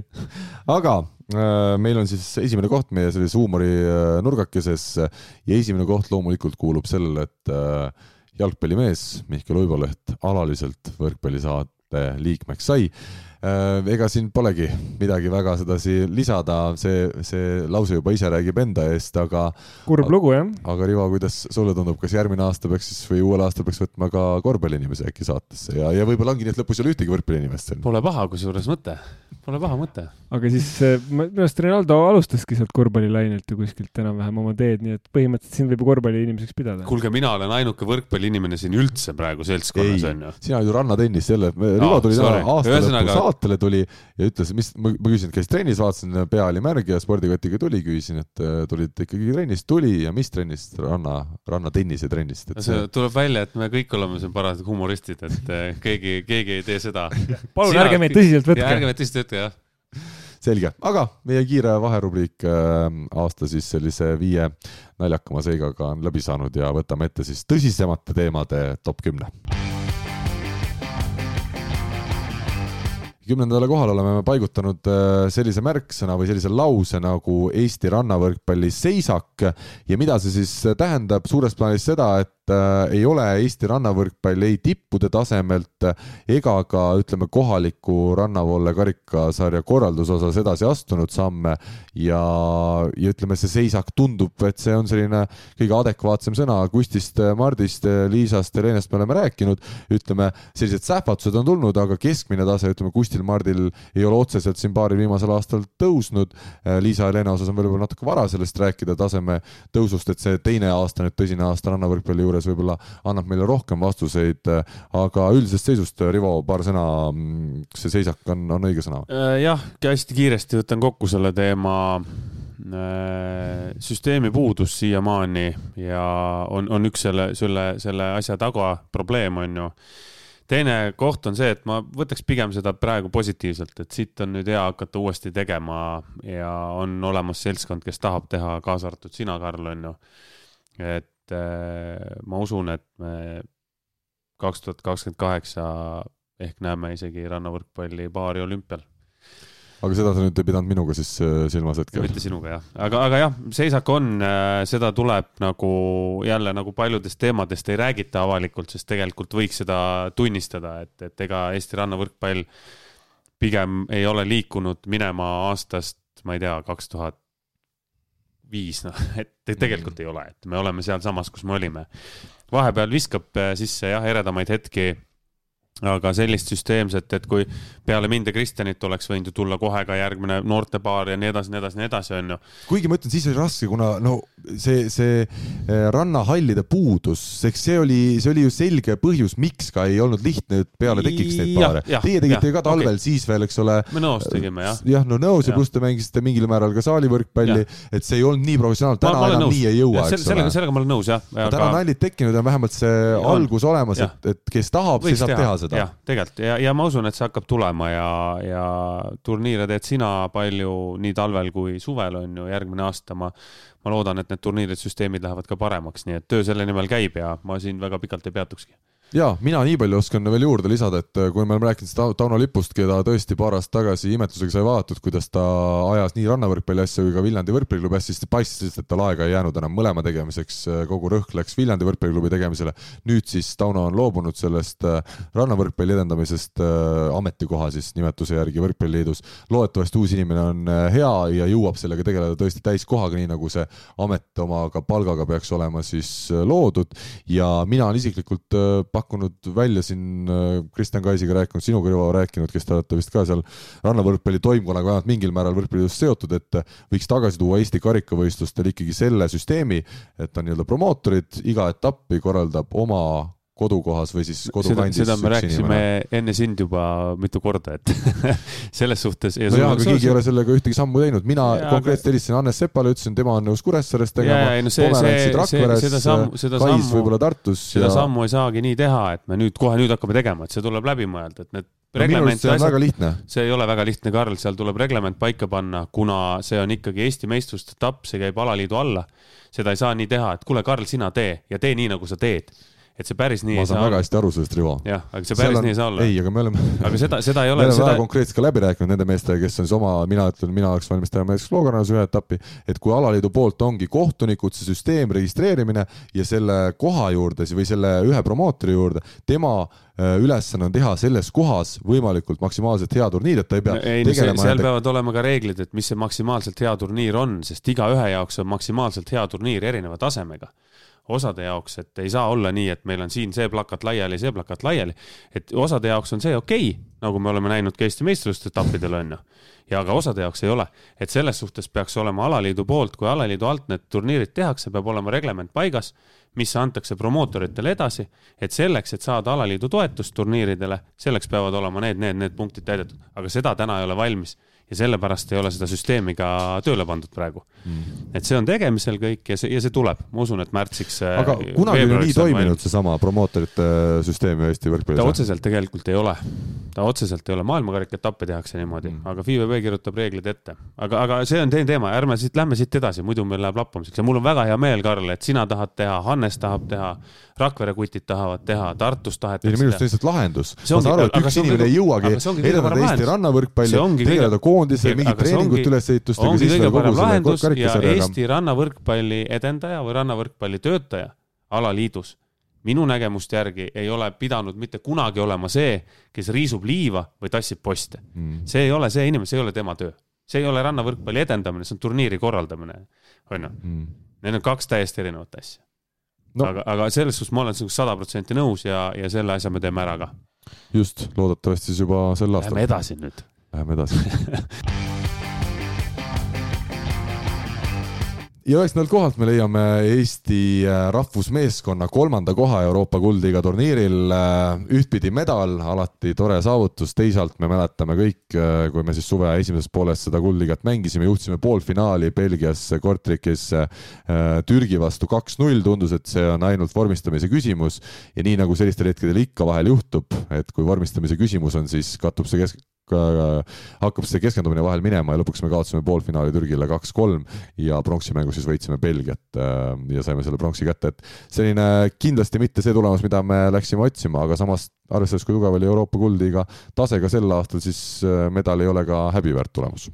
mulle oli natuke ootamatu see, et ma ka kuidagi eeldasin, et me võtame sealt suhteliselt pigem noh, ma ei tea, öelda, et kindla esikoha on võib-olla nagu natuke ülbe öelda siin, aga seda isegi ei olnud, ma mäletan enne turniiri ikkagi mõtlesime, et Türgi ja, ja Belgia ongi väga tugevad. jaa, aga mul oli ikkagi pigem selline tunne, et see on seal, nagu, need on nagu võidetavad või noh, et see ja väga nüüd tagantjärgi vaadates, kas, kas võib ka nagu öelda, et natukene selle eh, nii-öelda finaalturniiri mitte soovitud tulemus või siis teatud mõttes ka ikkagi ebaõnnestumine eh, oli, mingid märgid olid ka, ka selles kuldliigas sisse kirjutatud, ma ei tea, aga natuke oli see nagu ootamatu, et mul oli, mul oli teine aimdus. jah, mul sama, mina ootasin ka pigem finaali pääsu. aga kuna me meestekoondisest veel räägime siin äh, edasi ka, siis äh, pikemalt sel punktil ei peatu ja võtame ette järgmise. Ja meie tabelis kaheksandal kohal on siis äh, naiste Eesti koondise Krahh EM-valikturniiril, nii vähemalt oleme sõnastanud selle. eks kokkuvõttes äh, ikkagi see oli valus EM-ilt eemale jäämine äh, meie kõigi jaoks äh, valikturniiri vastased Šveits ja Valgevene tundus justkui eriti Šveits, et neid me võiksime, peaksime praeguses seisus võitma, aga läks siis teisiti ja Eesti koondis seekord äh, Lorenzo Michelli juhendamisel EM-finaalturniirile ei pääsenud. Teie mõtted, tunded selle teema osas? natuke sama lugu nagu selle äh, meestekoondise siis kuldliiga mängude eel, et äh, ma olin ka nagu pigem kindel selles, et sealt see Šveitsi üle võit võetakse, mida oli, mida oli vaja. ja see üllatas ja üllatas see, see mängu selline äh, kõikumine selles, selles Šveitsiga mängus. mäletan, vaatasin seda äh, otseülekande vahendusel ja, ja kuidagi see kogu aeg niisugune tunne, et noh, nüüd hakkab tulema, nüüd hakkab tulema ja siis, kui lõpuks oli nagu numbrid käes, siis oli küll nagu, no küll nagu üllatus, et, et jah, ma ei oska öelda, kõrvaltvaatajal on lihtne öelda, et kas peatreeneri ja mängijate vahel on selline klapp või ei ole. et, et kuuldavasti peatreener saab mängijatega nagu hästi läbi, aga, aga midagi nagu muutus või, või kuidagi see ootus oli nagu kõrge, et, et see see noh, eks on ka, eks on ka selge, et jõuda finaalturniirile ükskord on palju lihtsam, kui hakata järjepidevalt sinna jõudma, et sul on nagu see ootus, et okei okay,, te olete korra jõudnud, nüüd kui te ei jõua, siis me räägime justkui juba krahhist, on ju, samal ajal kerime ajaratast tagasi mingi, ma ei tea, kuus aastat, meil polnudki naistekoondist olemaski üldse, et seda projektigi sellist ei olnud, nii et selles mõttes nagu me oleme konkurentsis, aga jah, arvestades, et Euroopa finaalturniiril mängib kakskümmend neli naiskonda ja välja jääb vist umbes kaksteist tükki ainult, et siis me tegelikult jäime Euroopa, isegi vähem, et me jääme nagu tegelikult Euroopa nagu tagumise kolmandiku hulka, et see noh, et nii-öelda nii, nii naljakas kui see ei ole, et siis minu meelest seda finaalturniiri, seda äh, turniiri, kus me, kus me kvalifitseerusime naistega, seda ma mäletan, alustas kolmkümmend kuus naiskonda. minu arust viimat-, viimast turniiri alustas kolmkümmend kolm või kolmkümmend neli ja nende hulgas on ka suurriigid Luksemburg ja, ja teised taolised mm, -hmm. et, äh, et see, see tulemus oli, oli väga-väga kehva, mina ütleksin siia nii palju juurde minu arvamus on see, et see uue peatreeneri toomine selleks turni-, selleks oli vale otsus. mina oleks jätkanud ühe korra veel Andrei Ojametsaga. ja, ja kui siis ei oleks tulnud, et siis oleks hakanud treenerit vahetama, et äh, mina arvan, et see oli päris ausalt minu poolt, see oli vale otsus. kas uus peatreener jääb või ei jää, keegi ei tea siiamaani, on ju mm.. ei, uus peatreener jätkab no,. ja meeste oma ka ja meeste oma selgub järgmisel nädalal, ütles Hanno Pevkur enne tänase naiste uudis jah, käis läbi juba. okei okay,, seda ma ei ole kuulnud, et äh, jah. mina muidugi jään nüüd Rivoga teisele arvamusele siit. Äh, ma julgen öelda, et, et see üks aasta iseenesest veel ei näita valikturniiri näol seda, kas see treeneri valik oli õige või vale. ma ei ole sugugi kindel, et Andrei Ojamets oleks suutnud teist korda järjest Eesti koondise finaalturniirile viia. Äh, mis mulle tundub, mis olid, said saatusetuks, mina julgen öelda, et see ei olnud peatreener, kes sai seekord saatuslikuks, vaid meie naised ei olnudki, ei, ei tulnud toime selle koormaga, mis nad olid ise ka endale pannud, et nüüd tuleb jälle igal juhul EM-finaalturniirile saada, nagu me oleme rääkinud siin ka Kertu Laagi näitel, et see vaimne pool ongi väga tähtis äh, ja naiste võrkpallis täpselt samamoodi nagu meeste võrkpallis, et see oli üks asi ja teine asi, nagu me rääkisime ka meeste võrkpallis, meil ei ole hetkel säravaid mängijaid välismaal. kui vaatame Eesti naistekoondise põhituumikut ka eelmisest hooajast, siis meil ei ole alust arvata, et Kertu Laak, kes oli siis Itaalia klubis äh, äh teine diagonaalründaja, paljud koondise põhitegijad mängisid üldse TalTechis, eks ole, eelmisel hooajal, et mille pealt meil tuli tegelikult see omal nii suur uskumus või, või teadmine, et me peaks Šveitsi edestama, et, et kokkuvõttes me nimetame seda ka siin saates krahhiks, kuna me olime omale ise sellised lootused pannud, aga see naiskond ei olnud sellisel tasemel, kes pidanuks igal juhul minema edasi EM-finaalturniirile no,. naiskond ka ise oli selgelt ikkagi pettunud pärast, ma arvan, et ka see on see põhjus, miks me oleme ka siin pettunud ja, ja me räägime krahhist, sest et, et tegelikult olid äh, need sõnavõtud ka vähemalt mälus, ma nüüd ei teinud spetsiaalset ettevalmistust tänaseks, aga ma mäletan vähemalt, et need olid väga sellised noh, negatiivsed hinnangud, mis sel hetkel olid. ja eks ma olen kuskil sinu ja Rivo vahepeal selles osas, et kas see treeneri valik oli õige või mitte, et välismaalt treeneri toomine on alati noh, suure, suuremate riskidega kui, kui oma treeneri toomine Eestisse, sest et see, sa tunned seda oma treenerit nii palju rohkem ja teised tunnevad teda rohkem. et ähm, noh, eks, eks me nüüd näeme, et kas oli tehtud selle kahekümne kolmanda aasta potentsiaalse naiste EM-finaalturniiri äh, valguses, et tuua see treener ja minna temaga siis sinna, et las ta siis ehitab seda kõike. aga noh, tema aeg, millal ta saab nagu mängijaid mõjutada, on koondise treenerina suhteliselt üürikene. ja selles mõttes seal on see vaimne pool noh, hästi oluline ja tähtis, et mängijad usuksid sellesse, et jah, sa teed seal paar kuud äh, tööd, on ju, aga aga sa ei jõua nagu mängeoskusi muuta pikema perioodi, või noh, see on nii lühike periood selleks, sa jõuad nagu taktikat ja sa jõuad häälestada. et noh, siis vähemalt esialgu tuleb öelda, et et, et nad ei vähemalt, vähemalt nii palju ma julgeks küll väita, et nad ei kohanenud vähemalt selle treeneri nõudmistega või siis ei olnud nagu taset, et üks kahest e. Koondise peatreener ei pea muutma mängijate oskusi koondise peatreener peab panema mängijad mängima koos ja, ja tegemagi taktikat. koondise peatreenerid, kui on noortekoondis kuskil, nemad arendavad mängijaid, kui sul on täiskasvanute koondis, siis no, Mihkel ütles õigesti, et sul ei ole aega tegeleda sellega, kuidas keegi vastu, sa ei suuda muuta vastuvõtutehnikat kahe nädala või, või kuu ajaga, no see on võimatu. no aga tegelikult naistekoondis ju oli meil koos päris pikalt sel suvel ja ütleme, ta on rohkem aega kui näiteks jalgpallis, kui sa tuledki kokku, eks ole, kaks nädalat võib-olla maksimaalselt on sul see aken, aga et koondises sul on tegelikult see aeg ja ka Michelli ju võttis noori no, kaasa. seal ei ole vahet, tehniliselt sa ei suuda muuta mängijat ka kahe kuuga see peab olema väga andekas mängija, et ta saaks selle mängusituatsioonis tehniliselt muutused ja liigutuse muutused sisse. see on, väga suures osas on see lihasmälu. okei okay,, see selleks, teine teema on seesama TalTech, millest me ennem rääkisime. Tradehouse'i, TalTechi Tradehouse'i võistkond, ka see oli viga minu arust, et oleks need mängijad jagatud Eestis laiali ära, oleks tekkinud konkurentsi, oleks need mängijad kõik pidanud vedama liidrirolli, pidama liidrirolli oma klubides ja nad olekski pidanud olema liidrid. TalTech käis kõikidest nii lihtsalt üle eelmine aasta siis või eelmine aasta jah mm, -hmm. et äh, kõik need mängijad mängisid neljakümne protsendiga seal aga vähemalt nad said trenni teha tugevalt, mõtle nüüd selle peale, et meil koondised on kõik nende täisamatöör naiskondade vahel ära jagatud. kui tugevalt nad said trenni teha, Karl? ega siis ju, seal oli ju kui... koondise tuumik on ju, mängis TalTechi tuumiku vastu, kes on samal tasemel kui kõik need teised, kellega nad seal mängisid. no see ei ole ju, aga nad, nad, minu point on see, et mängulist situatsiooni nad mängisid neljakümne protsendi mm mängisid. noh, sel, sellega nõus jah. aga ühesõnaga, mina tahangi sinna jõuda, et see oli pigem oli meie naiskonna tase ei olnud sel kevadel lihtsalt ja, nii hea. absoluutselt ja oleme nõus ja lähme edasi. Läheme edasi noored valutavad Eesti naiste võrkpalli on siis meie tabelis saanud seitsmenda koha ja mida me siis silmas peame, eelkõige seda, kuidas tõesti Eesti naiste meistriliiga tänavu oma kaheksa võistkonnaga on toonud elevust kõvasti juurde äh, ja, ja oleme meiegi tänu sellele siis hakanud seda rohkem kajastama, rohkem jälgima. Ähm, ja, ja Eesti meistriliigas ei mängi mitte üksnes väga kogenud mängijad, vaid tõesti suuresti koosneb liiga väga noortest mängijatest, kellel on ka paljudel potentsiaali jõuda Eesti koondisse ja välisliigadesse, et see see on kahtlemata olnud Eesti võrkpalli aasta üks selliseid meeldi, meeldivamaid ja meeldejäävamaid äh, siis edasiminekuid, ütleme nii. tead, mis selle juures kõige ägedam on? esiliiga võistkondade arv ei ole langenud mm. -hmm. et esiliigasse tulid võistkonnad juurde.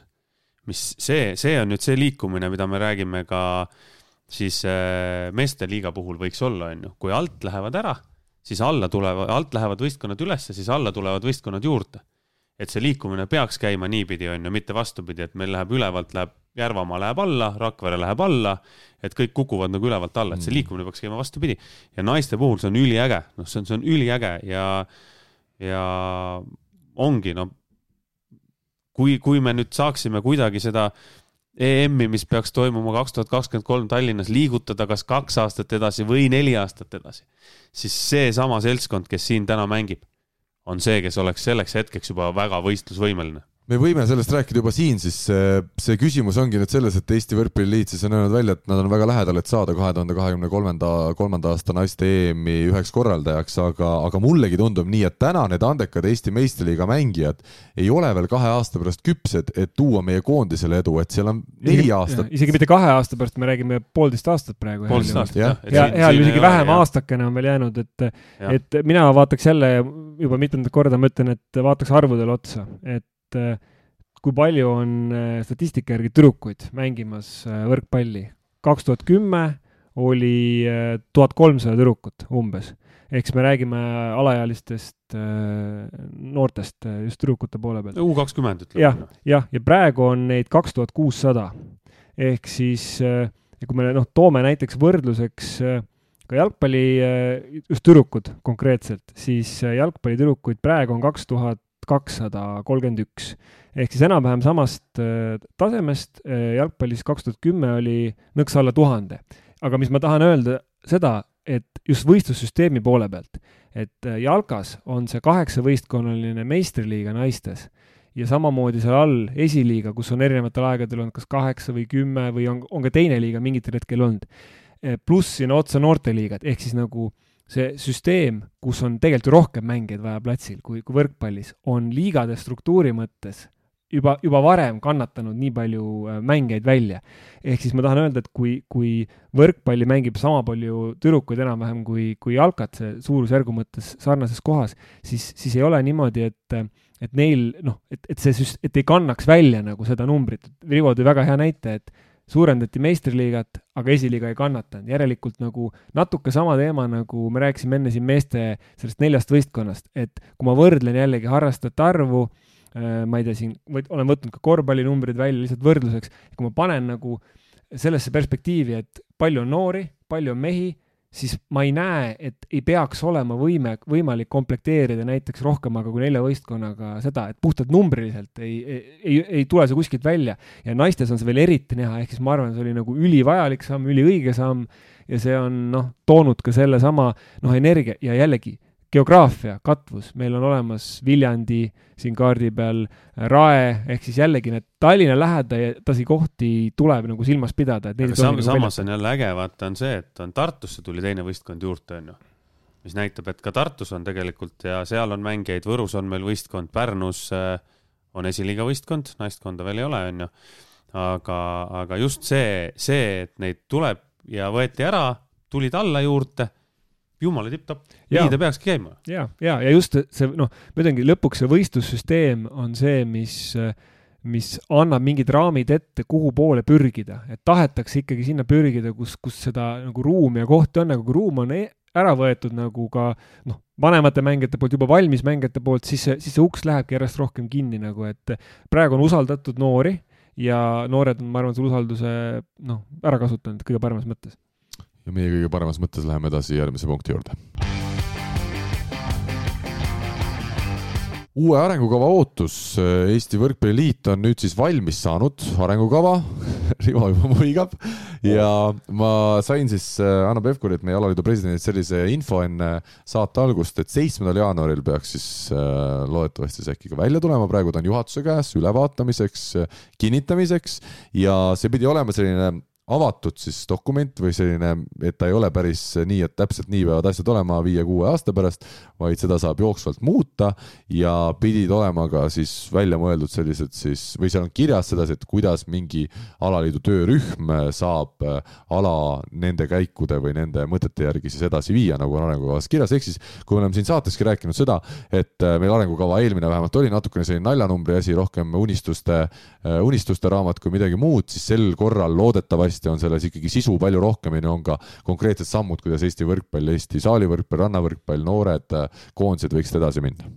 jaa, see on ju, ma tean omast käest, olles jalgpalliliidu arengukavaga tegemisega seotud olnud ja näinud, kuidas seda on tehtud, et see on üks meeletult raske töö ja, ja see, see on üks põhjalik töö, kus sul on vaja noh, kokku panna paljude inimeste ootused, aga lõpuks ikkagi ka minu meelest on oluline, et oleks reaalselt numbriliselt mõõdetavad eesmärgid ja, ja noh, et sa saad, sa saad vaadata pärast, kas sul läks see asi täide või mitte, et see on selline nagu ka ausa peeglisse vaatamise koht, et noh, unistustes jah, et eelmises võrkpalliliidu arengukavas või no mis kehtib kuni kahekümne esimese aasta lõpuni, oli kirjas muuhulgas selline punkt, et võrkpalli harrastab iga kümnes eestimaalane ehk siis kümme protsenti oleks pidanud harrastajaid olema. spordiregister ütleb, et meil on praegu harrastajaid null koma viis protsenti elanikkonnast. kakskümmend korda vähem, jah? et, et noh, jällegi ma eeldangi, et see oligi kellegi unistus, see kümme protsenti ja noh, arusaadav, et, et ühelt poolt neid arengukavasid noh, mingil hetkel nii tehakse, et see on kaks tuhat kaksteist vist tehtud arengukava, eks ole. ja noh, seal oli jällegi, vaatasin väga palju ise ka numbritesse sisse, siis siin oli tõesti hästi palju selliseid äh, ka numbreid sisse toodud, aga, aga noh, noh, toome, toome positiivse näite, noosportlasi minimaalselt kolm tuhat, tegelikult on praegu neli tuhat nelisada, ehk siis on seda ületatud. samas spordiregistris taheti jõuda kümne tuhande harrastajani, tegelikult on kuus tuhat viissada kakskümmend kaheksa. Äh, taheti jõuda kahesaja klubini, äh, spordiregistris reaalsus on sada kakskümmend seitse. et äh, võib-olla huvitav oli see, et taheti jõuda viissada litsentsiga võrkpallikohtunikku Võrkpalliliidu kodulehe andmetel selleks hooajaks on nelikümmend kolm kohtunikku, aga mingis dokumendis seal oli ka natuke üle saja neid, nii et selles mõttes see on võib-olla noh, see viissada on päris, päris julge selline eesmärk, samal ajal oli eesmärk ka üks naine viia rahvusvahelisele tasemele, see on õnnestunud, ehk siis eh, noh, veel väga palju neid punkte, noh näiteks seesama, et rahvuskoondis töötab, ka naiste oma, sest et jällegi, kui kaks tuhat kaksteist arengukava tehti, siis ju naistekoondist äh, ei olnud. päris siis... huvitav eesmärk muidugi iseenesest, jah. no aga, aga, aga väga oluline teema tegelikult, see on, sellel on, ma arvan, väga suur nagu, nagu mõju, et äh, noh, siin oli ka niisugune eesmärk, mis kindlasti Rivo äh, Äh, Rivole nagu rõõmu valmistab, et rannavõrkpalli sisehallid talviseks kasutamiseks toimivad minimaalselt neljas suuremas linnas või nende läheduses. noh, praegu on, eks ole, Nõo ja Tallinn, aga ma saan aru, et paari aasta kontekstis tegelikult selle eesmärgi rea äh, realiseerumine on reaalne. küsimus on selles, et äh, küsimus on see, see, see on Võrkpalliliidu arengukava, Võrkpalliliit ei saa mõelda teiste eest, Võrkpalliliit ei ole teinud selleks mitte midagi täna, et need saalid oleksid see on tõde, see on karm tõde, aga nii on. Ja, ja siis ei ole vaja seda arengukavasse sisse kirjutada. et kui eraettevõtjad teevad asjad ära, siis on teine, üks asi on see, sa tood väga head numbrid välja, Mihkel, superhead numbrid, ma ei ole küll kursis alaliiduga, aga kas neid numbreid näiteks jälgiti, kogu see, et kaks tuhat kaksteist, täna on üheksa aastat hiljem, on ju, et kas keegi on vaadanud mingi hetk nendele numbritele otsa ja vaadanudki, et kuulge, me oleme siit kümne tuhandest harrastajast, oleme kolme tuhandega maas, mida me saame teha, et neid tuleks juurde? et see arengukava tegemine ju peakski olema iga aasta lõpus, me vaatame, okei okay,, need, need, need punktid täitsime ära, need, siin me peame midagi juurde panema, siis nad hakkavad mm. toimima. ja se sellega nõus, et noh, ma tean ka jalgpalli näitel seda, et tihtipeale ju eh, ka arvatakse alaliidu võimekusest oluliselt rohkemat, kui, kui tegelikult alaliidu kätes on, et noh, eeldataksegi, et alaliit äh, haldab kõike, mis sellel spordialal toimub, mis on noh, täiesti ebarealistlik ootus. noh, samal ajal alaliidul on teatud hoovad, et noh, toome siin eh, ühe väl, välja ühe positiivse näite, selles arengukavas oli ka erinevate rahvusvaheliste võistluste korraldamine Eestis, jällegi saadi EM-finaalturniir, millest me veel täna räägime, eh, saadi siia, no siin on küll kirjas ka rannavõrkpalli MK-etapi näiteks saamine, aga noh, samas on siin kirjas ka, et meesteklubi osaleb Champions League'is, mis sel aastal nagu juhtus, et nüüd ongi jah, küsimus, et kas see on nagu Eesti võrkpalli arengukava, eks ole, või see on Eesti Võrkpalliliidu arengukava ja see ongi noh, ta natuke on katvust ja natuke ei ole katvust, et, et nüüd ongi küsimus, et pigem on küsimus, et mis on need tegevused, noh, toome näite, ma toon jalgpalli paralleeli, meie arengukavas oli ka see kirjas, et Eesti klubi jõuaks eurosarjas allagrupi turniirile. nüüd ongi küsimus, et mis tegevused me selle alla kirjutame. et meie puhul on seal tegevused see, et me arendame oma kodust liigat, ehk siis me eh, teadlikult investeerime selleks, et koduliiga tase tõuseks ja näeme, et läbi selle saab tõusta ka ka see noh, nii-öelda potentsiaalsete siis eurosarjas alagruppi pürgivate klubide tase. ehk siis me. sa suurendad võimalust. suurendan võimalust, on ju. et see klubi sinna saab. ma saan aru, et lõplikult see ei ole nagu alaliidu kontrolli all, aga noh, ma saan aru, mingeid nagu eeletappe saab teha ja selles mõttes need konkreetsed mõõdetavad tegevused, noh, tegevus on või mõõdetavus on ka see, et kas on tehtud või ei ole tehtud. ja need numbrid on väga head, et mulle nendesse tabelitesse meeldib väga, väga vaadata ja sa ütlesid õigesti, et, et tegelikult isegi noh, jalgpalliliidu kontekstis on meil niisugune kvartaalne nagu äh, numbrite nagu ülevaade, et noh, loomulikult kitsamates osakon-, osakonniti meil on igakuine see, samamoodi, et kas me oleme oma eesmärgis kinni või ei ole, et noh, üks asi on arengukava, onju, aga teine asi on kas või osakonnasisene eesmärk. aga noh, see on niisugune alati ka arengukava on niisugune dokument, kus, mis tekitab alati niisugust nagu ka furoori, aga samal ajal ta on hästi oluline, ta annab sellise raami või sellisega nagu vaimse ruumi, et kuhu poole me hakkame toimetama, sest iga seltskond vajab mingisugust sellist noh, ideed. seesama, et kui meil on finaalturniir tulemas Eestis, kõik saavad aru, see on ühine asi meil, me pingutame selle nimel, see on harukordne võimalus. ja, ja see, kui see nagu see, see raudtee või see tee on nii-öelda sinna maha laotud, eks ole, siis, siis saab nagu sinnapoole liikuda ma ei ole mingi. kallid televaatajad, Karlil hakkas ametlikult igav vahepeal. ei, kus, kus see tuli välja? ei, ei, ei. ta ei saanud, ta ei saanud sõna lihtsalt, ta on harjunud rääkima kogu aeg siin saates ise äh, järgmise aasta lõpu saateni üksinda. mul on siin ka Aare Alba eel, selle sajandaks saateks antud taktikepp, et siin saab nagu Aa. selle, kui ma selle välja võtan, siis on kehvasti. Äh, teine variant vist keerata teie heli maha. aga mis ma tahtsin öelda siin, äh, mis meistrite liigast sai räägitud vist, et seal on ka eesmärk mängida meistrite liigas. Äh, vabariigi meister saab niikuinii õiguse eelringist osaleda, et see ei ole iseenesest ka mingi sihuke asi, milleni peab minema, et küsimus, kui on pääs näiteks meistrite liiga põhiturniirile, siis see on konkreetne asi juba, mingi saavutus sinna klubi niisama ei jõua.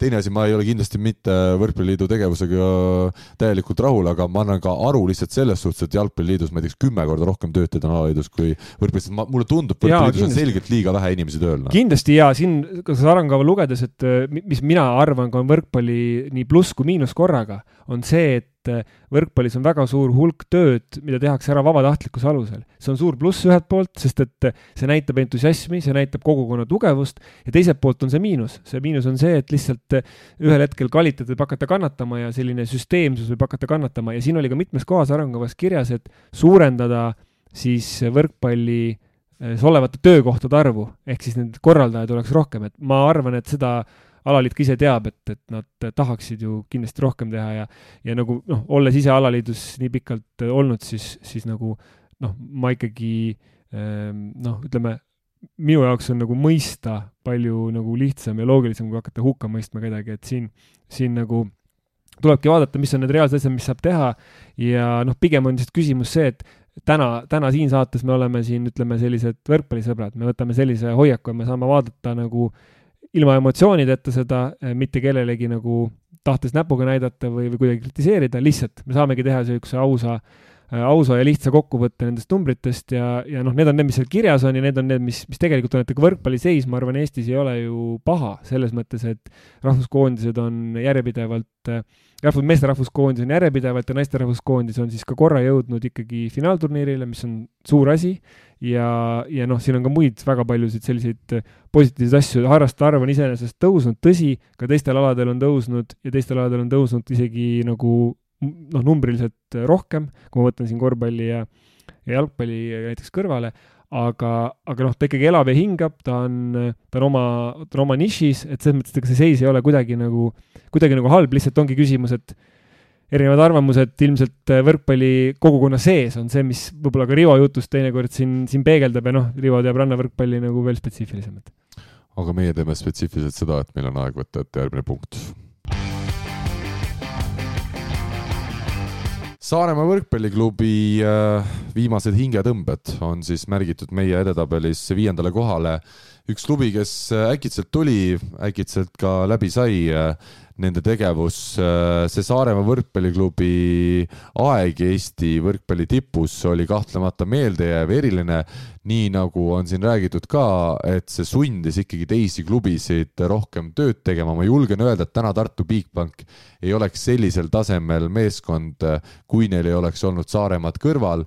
Samas me näeme siin ka võib-olla kannatajaid näiteks Pärnu näol, kes ei suutnud kaasa minna päris selle Saaremaaga, küll üks meistritiitel võideti ära ja, ja seal just Saaremaast saadi tähtsas mängus jagu, aga aga kokkuvõttes äh, raske hinnata, kas see tuli Eesti võrkpallile kasuks või kahjuks, aga saarlaste kadumine on kahtlemata valus hoop meile ja ütleme, selle vilju me siis tänavusel hooajal oleme juba näinud, ei ole see liiga olnud enam nii atraktiivne pealtvaatamiseks, nagu ta oli varem. jälle üks negatiivne teema, et äh, kuidagi meil on suhteliselt negatiivne kokkuvõte tänavusest võrkpalliaastast. ei no kahju, lihtsalt võtame kokku kahju, tegelikult ju tore oli, et Saaremaa oli ja, ja targutada on jumala hea tagantjärgi eriti, siis ma ütlen, et ütlesin kohe alguses, et ühe inimese peale ehitada klubi on väga keeruline. kui see üks inimene enam ei taha mingi hetk, siis see klubi ka kaob. nii ta ka läks ja mina ütleksin Saaremaale aitäh ja nägemist minu jaoks on see, et äh, vana hea tõdemus, et äh, kui sa ehitad midagi üles, et kas sul on üks toetaja, kes maksab miljoni või sul on miljon toetajat, kes igaüks maksavad ühe. et see, see, see teine variant on selgelt nagu jätkusuutlikum. aga jah, kahju, muidugi väga kahju, et, et ega see ju konkurentsile, konkurentsile midagi head ei tee ja me meenutasime seda kevadet, kus, kus oligi see konkurents oli tihe, aga lihtsalt jah, et kui see on, kui see ei ole mingit pidi jätkusuutlik, siis tulebki sellega leppida. Ja teine asi see, et noh, ta tuleb nagu punktina siin välja tuua lihtsalt, et kui, kui sul üks juhtivaid klubisid järsku ära kaob kaardilt, et siis ei saa ka nagu öelda, et, et seda ei peaks nagu siin välja tooma, et Rivo mainis, et oleme siin nagu negatiivsel lainel, et tegelikult on siin noh, ka me oleme iga, iga punkti juures ka nagu proovinud mingisuguse helgema perspektiivi leida, sest, sest noh, ütleme vähemalt see helge perspektiiv minu jaoks on selle punkti juures see, et on võimalik teha ma ei ütle, et väheste ressurssidega, aga ma ütleks nii, et maailma mõistes suhteliselt väheste ressurssidega on võimalik teha väga korralikku asja ja, ja ütleme, see lõpp oli ka ikkagi lõpuväärine. milline stsenaarium oli sellel, äh, kuidas siis raha hakkas kaduma juba hooaja keskel, palgad jäid maksmata, läksid sealt ära dušmeeskonnast sidemängijana, Sousa veel nurgaründajana, teine sidemängija läks ka ära, leiti mingil moel võimalus jätkata, kuigi ühel, ühel päeval juba seal talvel tundus, et kas nüüd ongi kõik leiti see vahend jälle hooaeg lõpuni vähemalt mängida, Janis Kalmasiidis, Kreeka treener, julgen jätkuvalt teda väga kiita, on olnud üks säravamaid treenereid, kes Eesti liigas on töötanud ja sel aastal siis Kreeka tippklubi Pauk juhendamas. Eesti meistrivõistlustel tuldi null-kaks kaotusse Tallinna Selveri vastu, selge favoriidi vastu välja, võideti mängudega kolm-kaks see seeria, saadi Eesti meistrivõistlustel hõbe ja samamoodi siis Balti liigas äh, anti tugev äh, duell just Selverile finaalis, aga kaotati seal, nii et tegelikult see lõpp hoolimata sellest, et need olid mitu head mängijat kaotanud, oli päris korralik ja võib-olla isegi oleks olnud see liiga ilus, kui nad oleks ka lõpetanud hooaja Balti liiga võiduga seal Kuressaares. Saaremaa võrkpalliklubi lõppes ju, lõpp lõppes alles nüüd ju, siis kui TalTech läks mängima.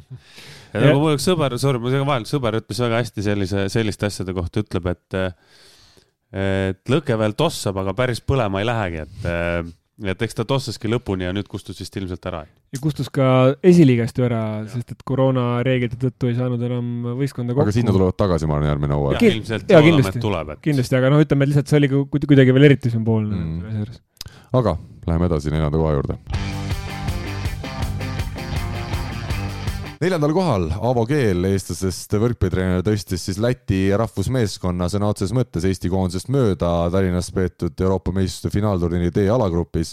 Läti kohe avago-, avavoorus Eestit võitis kolm-üks ja lõpuks küll napilt, aga ikkagi kindlalt äh, sai kuuest võistkonnast nelja parema sekka ja jõudis kuueteist hulka EM-il, nii et Läti oli parem kui Eesti. seda on ühtpidi väga valus tõdeda, teisalt tuleb ikkagi tunnustada Aavo Keele tööd, kes järjekordselt koondise tasandil siis tõestas, et, et oskab äh, meeskonda mängima panna. jaa, vana rebane kõige paremas mõttes ja kodusel äh, finaalturniiril ehk siis Eestis toimunud finaalturniiril äh, Aavo jaoks kodusel, aga seal mul tuleb meelde selline meedia kaudu selline nagu häälestamine juba enne mängu ja siis ikkagi mängus ka, et, et see, et see paremus tuli, et see oli see oli jah, ega jah, teda tuleb tunnustada, et äh, tihtipeale äh, võib-olla kui Eesti, Eesti koondise juures äh, on nüüd tema, tema peatreeneriks oleku ajast möödas mitu aastat, see on nüüd Eesti koondis kaks tuhat neliteist vist sai läbi Aavo. omajagu, et noh, et ma ei kujutaks ette praegu, et ta tuleks Eesti koondise peatreeneriks tagasi, selles mõttes, et see tundub miski, mis periood on nagu läbi, aga see jällegi ei tähenda, et kellelegi teisele ei võiks see periood nagu ees olla ja ta, ta näitas seda hästi, kas ta nüüd on olnud Läti treener mitu aastat? neli aastat oli. neli aastat, et see on ikka soliidne aeg ja see, see on juba aeg, kus noh, sul ei juhtu nagu midagi juhuslikult, et sa saad seda, seda tööd planeerida ja järjepidevalt teha, nii et tunnustame igal juhul ja nii-öelda juubeli eelõhtul saab Avole saata nagu tervisi, et väga äh, väga, väga hea tulemus ja üldse me siin ühest teisest Eesti treenerist veel hakkame rääkima, aga väga meeldiv on, et Eesti treenerid, on nad nooremad või vanemad, saavad rahvusvahelisel tasemel hakkama. jah, selle koha pealt ma ütleks, paneks siia veel Rainer Vassiljevi, kes on Poolas ja ja Märt Pajusalu, kes on Šveitsis, on ju ka, et tegelikult eh, üsna äge, et Eesti treenereid on, on välismaal päris palju. aga ma ütlen selle Läti ja Aavo kohta siis, eh, ma ülikiiresti kokku, Aavo Keel tegi nelja aastaga Äh, vabandust, kõik Läti sõidavad, tegi Laada võistkonnast tegi ikkagi võrkpallivõistkonna, et see võistkond, kelle juurde Aavo Keel läks, ta oli no nii ligadi-logadi, kui vähegi sai olla. ja Aavo pani nad mängima sellist võrkpalli, tema muidugi selle esitusega rahul ei olnud seal EM-i finaalturniiril, eriti Eestis on ju, aga see, mis oli neli aastat tagasi ja mida mina nägin nüüd, no see oli ikka äge võrkpall ja mis minu arust veel rohkem tegelikult, kui see tulemus ise räägib Läti võrkpalli arengust, noh, nad said EM-il lõpuks ühe võidu, see oligi see võit Eesti üle, okei okay,, nad mängisid seal veel äh, hästi, aga kokkuvõttes üks võit EM-il, et see ei olnud nüüd mingi meeletu stabiilsus äh,. aga mis räägib nende taseme tõusust, on see, et kui me vaatame täna vähemalt Eesti Võrkpalliliidu äh, kodulehe andmetel peaks olema seitseteist välismaal mängivat Eesti meesvõrkpallurit ja kaheksateist on äh, lätlasi hetkel see number, mis mängib välismaal, et äh, mõned aastad tagasi tundunuks täiesti võimatu, okei okay,, me võime arutada seda, et jah, kindlasti Eesti võrkpallurid, kes välismaal mängivad, mängivad kõrgemates liigades tasemetel, aga see on ikkagi näitaja, me teame ka Läti liiga ei ole mitte sellepärast läinud nõrgemaks, et neil on kõik võrkpalli tegemise ära lõpetanud, vaid ongi see, et läks nii palju mängijaid ühel hooajal välisliigadesse ja võtame siin kasvõi, eks ole, kaks mängijat, kes on läinud Itaaliasse, Eglaskans mängib taas Kreekas, Venemaal Petrovs, et tegelikult neil on ka nüüd neid mängijaid, kes mängivad tugevates liigades päris mitmeid. nojah, aga kui sa võtad, ütleme, seitseteist, kaheksateist mängijat, oletame, et eelmisel, üle-eelmisel hooajal mängis nendest kuus välismaal. et kui sa võtad kaksteist mängijat tänasest Läti liigast, kaks võistkonda põhimõtteliselt mm, -hmm. kaks põhituumikut, et see sellepärast ongi lätlased täna nõrgemad, aga eks neil kasvab ka peale ja Aavo ees müts maha ja soovime head uut aastat talle jah, ja lätlastele siis edu juba Salde uue, uue treeneri käe all. aga meie läheme siis tänases tabelis esikolmiku juurde. Tartu versus Kaasan kõlab küll utoopiliselt, aga täpselt seda me siin novembrikuus siis näha saime. Eesti võrkpalli läbi aegade, klubi võrkpalli läbi aegade ühed erilisemad mängud, kaks päeva järjest Tartu mängis siis maailma absoluutse tippklubi Kaasani seniidiga CEF Cupil. esimene mäng üks-kolm, me saime game'i kätte ja teine mäng siis null-kolm, aga see, kui me rääkisime siin ka publikust, et publikut koduste, koduse liiga mängudel käib vähe, siis tuhat pealtvaatajat seal mõlemal päeval umbes täpselt saalis oli.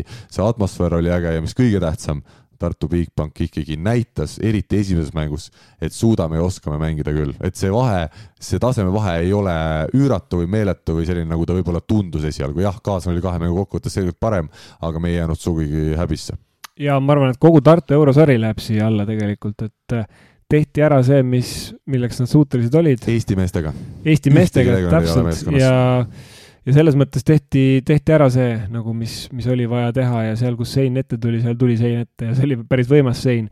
aga noh, see kogu see euroaas-, eurohooaeg jääb ikkagi positiivselt meelde ja sündmusena see Tartu versus Kaasan on, on omaette märk ja ma arvan, siia alla saaks üldse liigitada Tartu klubi väga hea aasta erinevates tähendustes. Neil on äh, kaks meeskonda, kaks naiskonda, neil on noortevõistkonnad, ehk siis ikkagi äh, klubi, klubi toimib ja nagu väljaspoolt tundub, et äh, saavad rahaliselt hakkama. me ei, noh, see ei tähenda, et kuskil supleks rahas, vaid et see tähendab seda, et majandavad targalt oma asjadega ära ja leiavad äh, juurde toetajaid, nii et kuidagi Tartu on äh, minu meelest heaks näiteks klubilises, klubilises tegevuses. Jah, mõtle, mõelda hetkeks, kui meil Tartut ei oleks täna, sellist klubi nagu Tartu, mis see Eesti võrkpall täna, klubi võrkpall oleks, see oleks hoopis teine, teine teema. Äh, Tartu kaasan ja üldse Tartu euromängud, kõikidel euromängudel oli ju publikut tegelikult rohkem ja. kui Tartu tavalistel mängudel, siis nüüd on minu kordades siit, rohkem. siit tekib küsimus, mi-, mi-, mille, milles asi on? milles asi, miks, miks ei tulda vaatama Tartu Selveri mängu, kas see on juba nii igav, et on needsamad mehed, kes kogu aeg pusserdavad omavahel või tullaksegi vaatama võõraid välismaa mehi, on ju, noh, ma saan Kaasanist, ma saan aru, no come on, et kui sinna tulevad ka ükskõik kes, et kui Madridi Real tuleks mängima Eestis jalgpalli, ma oleks jalgpalli ka vaatama, muidu ma sinna ei viitsi minna, on ju. aga ma läheks vaataks lihtsalt nagu heal tasemel mängijaid, eks. Äh, siis miks te pealtvaatajad ei lähe vaatama, kui Tartu mängib kellegi teisega? sest mängul ei ole kaalu nii palju, me oleme rääkinud, et põhiturniiri mängud, need paratamatult ei oma nii suurt kaalu. teeme siis Katari värki. iga mäng on karikas. absoluutselt, iga mäng saad mingisuguse asja. novembrikuu teise nädala karikavõitja näiteks. hull autasustamine, kõik kogu aeg on kaalu nii, et vähe pole. jah, täpselt. ja ei, noh, ma arvan lihtsalt seda, et seal ongi see vahe, et kas tullakse vaatama, no ütleme, et noh, mul on, mul on enda puhul raske nagu rääkida, sest ma lähen vaatama sinna Tartu võistkonda, ükskõik mis alal või, või, või liigas, ma lähen vaatama seda Eesti võistkonda, kui mängitakse vastasega ja ma lähen vastasest sõltumata sinna saali. aga, aga jah, enamik, suur hulk tuleb esiteks seda sündmust vaatama, ehk siis esimene kriteerium on see, et jah, et midagi on erilisemat, midagi tavapäratut ja ühel hetkel noh, ka võrkpallis ma arvan, see Lätiga ühisliiga selles mõttes alguses toimis, et oligi midagi tava päratut, aga siis noh, ka saadi aru, et okei okay,, et see tegelikult nagu see tase on selline, nagu ta on ja see, see ei, see ei küta, et see on üks suur äh,, suur oskus hoida seda ülev, seda huvi üleval pikema aja vältel.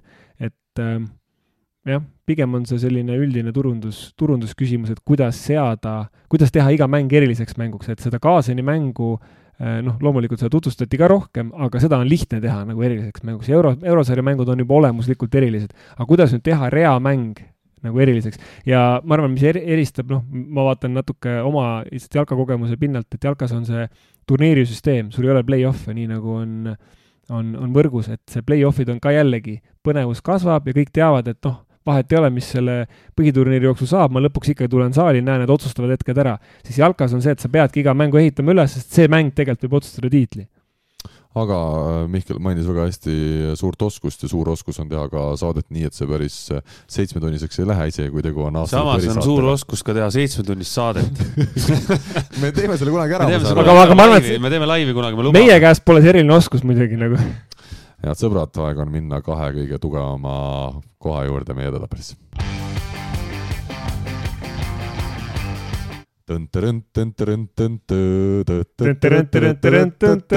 teine koht meie tabelis siis äh, Rivo Vesik, äh, Eesti äh, võrkpallitreener, olümpiamängude hõbemedal, teeme aplausi ka oh!. ja lisa-. nägid, kuidas meil alati salvestusel see aplaus ja, ja, ja lisaks ka veel ikkagi Vabariigi Presidendi teenetemärgi ja, omanik tuleb ka öelda nagu, et. kus sul on see? kodus. sa oled kandnud seda ka ülikonnas? iga pühapäev käin sellega kodus, kodus, panen rinda, vaatan mm, -hmm. joon hommikukohvi, vaatan hommik Anuga saadet ja mm -hmm. tunnen ennast hästi. No aga kui palju elu muutus siis, kas üldse muutus sinu jaoks mingil määral, jätame selle võib-olla riigi poolt saadetud meene kõrvale, tegelikult äh, oli see üks osa tööst ja, ja töö läheb edasi, et äh, ma küll vähemalt kõrvalt ei ole märganud, et sinu elus väga midagi oleks muutunud selle, selle aastaga. ei ole midagi muutunud jah, ei suurt see olümpiamedal ei, ei muutunud ja, ja ei muutnud, noh, ja ta on täpselt samamoodi, minu jaoks on ta, see olümpiamedal on täpselt samasugune nagu see esimese koha eelmise aasta sündmus, mis meil siin edetabelis kirjas on, on ju. ta on hästi, kuidas sa ütlesid selle kohta ennem, hästi nagu vastandlik või? nii, ja vastuoluline Vast,. hästi vastuoluline, et jah, ta on hõbe, aga nagu ikka, ta, see, see kuld oli ka lähedal, on ju, et äh, super, super, super, super asi. Väga paljud äh, treenerid, sportlased äh, ei jõua mitte kunagi sinna, eks. olen uhke nii enda kui poiste üle, aga, aga võib-olla on ka hea, sest midagi jäi sisse.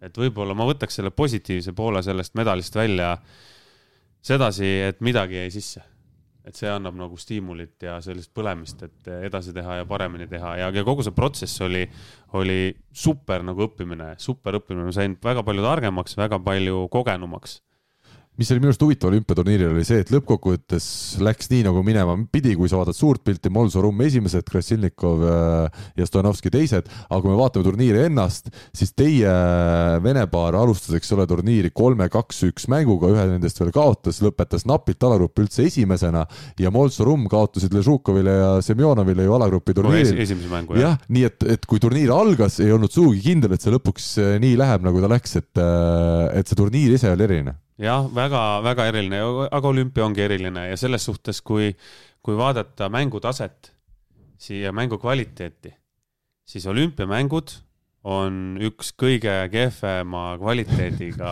turniire üldse. kui mina kui treener vaatan seda pusserdamist seal, mis toimub, siis tegelikult see pinge, millest me siin ennem oleme rääkinud, see on nii jõhkralt peal, sa oled neli aastat valmistunud üheks turniiriks. kui sa mängid maailmakarika etappe, sa paned iga nädal sul iga nädal samad mehed, sa noh, võidad, kaotad mm., sa tead, ma kaotan, mul on järgmine aasta, järgmine nädal täpselt sama turniir mm. põhimõtteliselt onju. aga nüüd sa valmistud olümpiaks neli aastat, sa saad sinna peale, seekord isegi viis aastat onju. sa saad sinna peale, siis sa lähed sinna staadionile, olümpiakülad, kõik asjad, et see, see, see on turniir, mis paneb su pea nagu hoopis teistmoodi tööle ja egas ju Mol Soorum olid äh, veerandfinaalis äh, Lešukovi ja Semenovi vastu seitseteist, kaksteist taga esimeses game'is. et ega Kostja ja Ilja mängisid ise maha selle mängu, et sealt oleks võinud ka ju kõik nagu muutuda, onju. ja siis vaadata lätlasi. Äh, Plavins, Toks, ilma mingi pingeta suvaliselt mängisid, ma rääkisin Toksiga seal olümpia ajal ka. ai, mis mul pinget, mul on iga mäng edasi on boonus. mida kõrgemale jõuame, seda lahedam on, onju ja viimases mängus ütles, et siis ta põles läbi. proksimäng jah? jah, et, et siis oli juba see, et kurat, nüüd. isegi poolfinaalis, eh, noh, ega ta sai aru, et seal norrakate vastu väga ei ole mm., aga pronksimäng oli, nüüd, nüüd on võtukoht.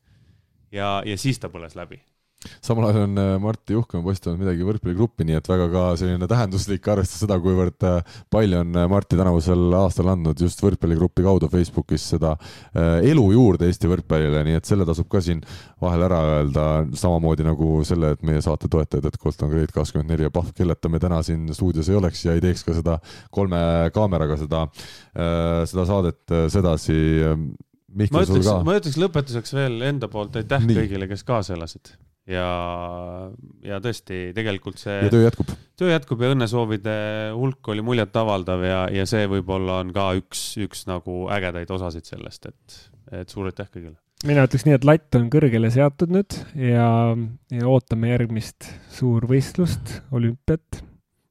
latt on väga kõrgel, siin peab ikkagi vana hea pupkateiba võtma, et sealt üle minna pupkateibaga, ma arvan, tänapäeval enam äh, häid saavutusi. seda ei saa mehed Paidesse enam, see pupka oli nii kõva vend, et seda ei saa Paidesse enam. head sõbrad, me oleme jõudnud tänases tabelis esimese kohani ja esimene koht siis, eh, nii nagu võrkpallisõbrad, ma usun, et eh, eeldada oskavad ja suudavad, kuulub ikkagi sellele, et Eestis toimus esmakordselt Euroopa meistrivõistluste finaalturniir, seda siis ühe alagrupi turniiri läbiviimise näol. sellest teie alagrupist me oleme rääkinud ka, Tallinnas see toimus ja ikkagi kõige suurem kiitus siin, me oleme Võrkpalliliitu ja tema selle tööd kritiseerinud tänases saates, mis on minu arust ka täiesti, täiesti loomulik kriitika on arenemisprotsessi üks äärmiselt vajalikke osi, aga see, kuidas see turniir siin Tallinnas läbi viidi, äh, eesotsas siis Robin Ristmäe, kes oli, oli peamises rollis selle turniiri korraldamisel, see oli kiitust väärt ja ma ei kuulnud ühtegi halba sõna ei äh, välismaa mängijatelt, treeneritelt, asjapulkadelt ega ka kodustelt äh, saal oli rahvast täis kõikidel Eesti mängudel Saku Suurhallis, et seda oli ikka vinge vaata ja see tõestas, et, et taoliseid sündmusi tasub Eestisse tulevikuski tuua. ja ma arvan, noh, mina pealtvaatajana saan ka öelda, et tegelikult ju kõik oli kõik sujus, et, äh, et jah, et äh, see sündmus äh, oli kindlasti korraldatud sellisel tasemel, et noh, eestlased on ju tuntud, tuntud korraldajad kõige paremas mõttes ja, ja meil on noh, kui mõelda, et kust see korraldusoskus meil tuleb, et siis meil on ju rohkem kui saja viiekümne aastane laulupidude korraldamise traditsioon, et loomulikult me saame hakkama suurvõist-, suurürituste korraldamisega, et teistmoodi polekski võimalik. Aga jaa, see on, noh, ma, ma kujutan ette, kuivõrd palju jooksmist, kuivõrd palju äh, pisimurede lahendamist, kuivõrd palju ette planeerimist, kuivõrd palju selliseid asju oli vaja teha, et see, see kindlasti võttis korralikult läbi ja nüüd spordiaasta lõpetamisel äh, sai Võrkpalliliitu ka siis tunnustusosaliseks äh, Kultuurkapitalilt selle, selle eest, nii et ma arvan, et see läks õigesse kohta. Ja ja noh, nüüd on küsimus, et eh, eks süües kasvab isu ja siis ongi, et eh, loogiline küsimus, mis edasi ja Võrkpalliliit ise on ju välja öelnud, et tahetakse naiste EM samuti Eestisse tuua. ja noh, kui juba juhtub see järgmisel aastal ehk kahekümne kolmandal aastal, siis, eh, siis seda kihvtim ja noh, loodame, et selleks ajaks ka see koroonapandeemia on selles mõttes kontrolli all, et ei teki neid küsimusi, et kas publikuga või mitte. ja loodame, et meil on ka naiskond ikkagi teatud tasemel, et see EM-finaalturniir tooks ka publikut saali, et see tase on selle alus, et see kõik korraldus ka ennast ära, ära tasuks kokkuvõttes jaa, no vaata see meestekoondise puhul oli selge, et seal nad on konkurentsis ja, ja tegelikult äh, noh, see, et lõpuks noh, kui sportlikult läks nii, see on jällegi see, et meil on latt kuskil ja ootus kuskil ma ei mäleta, mis see lõplik koht meil oli seal kahekümne 20.... me olime oma alagrupis viimased, ehk siis kakskümmend neli osalevad, eks ole mm., nii et seal kakskümmend kuni kakskümmend neli sealkandis, et noh, jällegi, mis, mis võib öelda, et äh, vaatame teiselt poolt, palju üldse alustas, eks ole, valiksarja, kui nii-öelda kriitiliselt vaadata, aga noh, minu meelest nagu need mängud ähm, mitme konkurendiga olid ikkagi väga tasavägised ja parematel parematel päevadel oleks võinud see ka teistmoodi minna, et lihtsalt aga noh, jällegi, kui me nüüd rääkisime sellest, et keda tullakse vaatama, et kas tullakse vaatama siin Tartut või Kaasanit, ühe eelmise punkti all rääkisime, et siis noh, finaalturniiri puhul mulle küll tundus, et tuldi vaatama nagu Eestit, et seal ei tulnud keegi Prantsusmaale kaasa elama, okei okay,, see sündmus jah, et sul tuleb eh, selline võistkond nagu Prantsusmaa. värske olümpiavõitja. jah, värske, noh, väga värske, aga koos oma, oma põhitegijatega, et see kõik Äh, oli omaette, aga noh, ma ei näinud küll seal saalis ühtegi sellist äh, eestlast, kes oleks äh, prantslaste särki kandnud. minu jaoks, ma ütlen ära, oli, kui me mainisime siin Eesti naistekoondise esituse EM valikturniir oli krahh, siis suurem krahh oli ikkagi meeste tulemus kodusel EM finaalturniiril. et jah, me saime küll selliseid tasavägisi mänge, aga kokkuvõttes see võistkond ei esinenud sellisel tasemel, nagu me kõik lootsime, eeldasime ja, ja tahtsime, et veel rohkem oli minu arust ikkagi meeste meeste näost seda aru saada, kuivõrd palju neile, nad teadsid, et ilmselt väga paljud neist vähemalt, kui mitte kõik, ei mängi enam kunagi kodus EM-finaalturniiri ja et see ainus kord äh, sedasi lõppes, et see oli, seda oli paganama raske vaataja kõrvalt. jah, selles suhtes kurb äh, ka jälle pika, pikemalt tagasi vaadata, siis äh, võib-olla natukene tegemata töö selle koha pealt, et kõik lootsid ju tegelikult Gert Toobali peale lõpuni välja et natukenegi kaitsta seda Eesti koondist, siis te, oli ka väga palju ebaõnne. Robert Täht eemal. me ei saa midagi öelda, noh, oli ebaõnne ja see käib spordi juurde, need vigastused käivad spordi juurde. aga, aga jälle, võtta nagu samme tagasi, siis selle peale, et Gert Toobaliga võib midagi juhtuda, selle peale oleks võinud mõelda ka viis aastat tagasi. ja siis hakata süsteemselt kasvatama sinna järglasi, on ju, järglasi, järeltulijaid et aga, aga jah, kokkuvõttes üliägedalt tehtud, ülihea korraldus äh, Helen, Anno, Robin, äh, Laura, Ülle, kõik, kõik, kes seal pundis olid, on ju suur-suur aitäh, väga äge emotsioon, isegi vaatamata sellele, et Eesti meestekoondis päris ausalt öelda läks kõvasti lati alt läbi, aga, aga üritus ise üritusena oli super. Nüüd on suur küsimärk, kas Cedric Enard jätkab koondise peatreenerina, kui ta jätkab, siis on selge, et sama treenerite tiimiga täna me ei jätka, seal ikkagi sellised lahkhelid tekkisid, et, et samamoodi edasi kindlasti ei minda kas nüüd korraldatakse uus konkurss või on juba vaadatud välja keegi konkursi väliselt, kes võiks olla uus peatreener, seda kõike saab olema huvitav jälgida, see peaks siis tulema, see uudis umbes nädala pärast. minu sisetunne millegipärast ütleb, et Enardiga minnakse edasi, aga siseinfo mul tegelikult puudub, et, et see on nüüd see võtmekoht, et mis saab Eesti koondisest edasi. kui meil ikkagi oleks Robert Täht terve taas ja, ja paneme sinna juurde näiteks ka Märt Tammearu, kes ju samamoodi sai EM-il õnnetult vigastada edasi mängida ei saanud, nii nagu Karli Allik. et meil tegelikult neid mehi on, kellega mängida ka järgmisel EM-il kohatade eest, ma julgen öelda, esikümnes. nii nagu me oleme siin parimatel aastatel teinud seal esikümne lähistel olnud, et, et nüüd on küsimus, kellega seda tehakse ja kas seda õnnestub ka realiseerida üle nüüd mõne aja ma julgen ka sisetunde põhjal öelda, et pigem minnakse sama treeneriga edasi, aga sa mainisid seda konflikti nüüd treenerkonna sees. kas ma olen millestki ilma jäänud? sa päris, sa oled naistes võrkpalliekspert, aga, aga ei no eks seal treenerite sees ikkagi kriitilistel hetkedel EM-finaalturniiri ajal, kui tulid need kaotused, tekkisid lahkhelid, kes arvas ühtemoodi, kes teistmoodi ja, ja eks siis on selge, et ilmselt sama treenerite tiimiga edasi mm -hmm. ei minda. nojah. saab. Alari käest teinekord küsida. kuulub spordi juurde. just, aga head sõbrad meie saade on kestnud loomulikult üle kahe tunni, aga täna erisaate puhul see ei ole küll mingi eriline uudis, isegi ime, et me nii palju teemasid nii lühikese ajaga kokkuvõttes suutsime läbi võtta jaa, see on jutu jätkuks kauemaks, et selles mõttes ma, ma arvan ikkagi mingisuguse päevase laivi me peaksime ette võtma.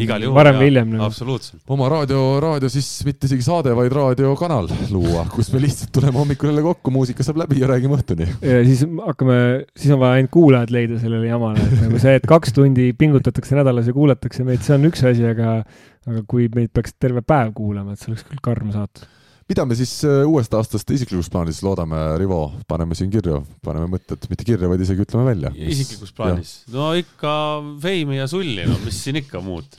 ega ju rublasid ja dollareid. rutse ja, rutse ja siis feimi. lubadusega anname mingisuguse kõik eraldi aga mis me ikka, mis, mis siin ikka lubada? Feimi ja sulli. no ma saan aru, et sina, Karl, peaksid poolfinaalist kaugemale jõudma Eesti meistrivõistlustel sest et kui ma ei taha, sest muidu Rivo ütleb, et tase on veel langenud aastaga või vastupidi, et sa oled hea treeni teinud. mina, mina lihtsalt võtan väga tagasihoidlikult, ma tahaks Nii. vähemalt kaks korda jõuda nagu äh, turniiridele e, turniiridele trenni nagu alustaks, alustame nagu seal terase liiva peale tahaks jõuda kaks korda. ma pean oma jõulukingitused ära kasutama, mul on. tee paar korda kõigepealt Ülemistest, saa teada, mis on liiv ja siis tule meile, siis saad teada, mis on päris liiv. ma pean oma jõulukingitused ära kasutama, mul on terase oh, kink, kinkekaardid kingitud. keegi päkapikkudest on ikka tark. ja, ja, ja nii et sinul on eesmärk kahel korral jõuda liivale no,. vähemalt, vähemalt. vähemalt kahel korral, Rivo, sinu eesmärk rannatennises ei, ei pane mingit eesmärki, sportlikku eesmärki ei pane. ma, ma, ma ei pane üldse mingit eesmärki endale mm. sellel aastal, ei taha pingeid peale panna, sest ma tean, et mul lähevad meelest ära asjad ma, ma teeme ühe. nii, jõudu saatesse või? jah, ei, ma panen ühe sellise lubaduse, annan, et mul see aasta ei lähe ükski saade meelest ära oled sa nõus minuga no,? võimatuid lubadusi on ka võimalik anda loomulikult. on, osad ütlevad, et suitsu ei tee enam või midagi. selge. ja minu isiklik rannavalle eesmärk uueks aastaks on leida suveks sedavõrd hea paarina, et on võimalus jälle mängida medalite nimel aga Mihkel ja Rivo, suur aitäh teile kaasa löömast. aitäh kuulajatele, kes meiega jälle need kaks ja rohkemgi tundi vastu pidasid. jääme siis lootma, et uus aasta tuleb eelkõige Eesti võrkpallile nii saalis kui ka rannas edukas ja ma usun ja loodan, et me kohtume samas koosseisus ja veel mõnede lisandustegagi juba varsti taas. olge tublid ja ilusat uut aastat. head uut aastat. head uut aastat Eesti kõige põnevamad podcastid on Delfis, kuula tasku.delfi.ee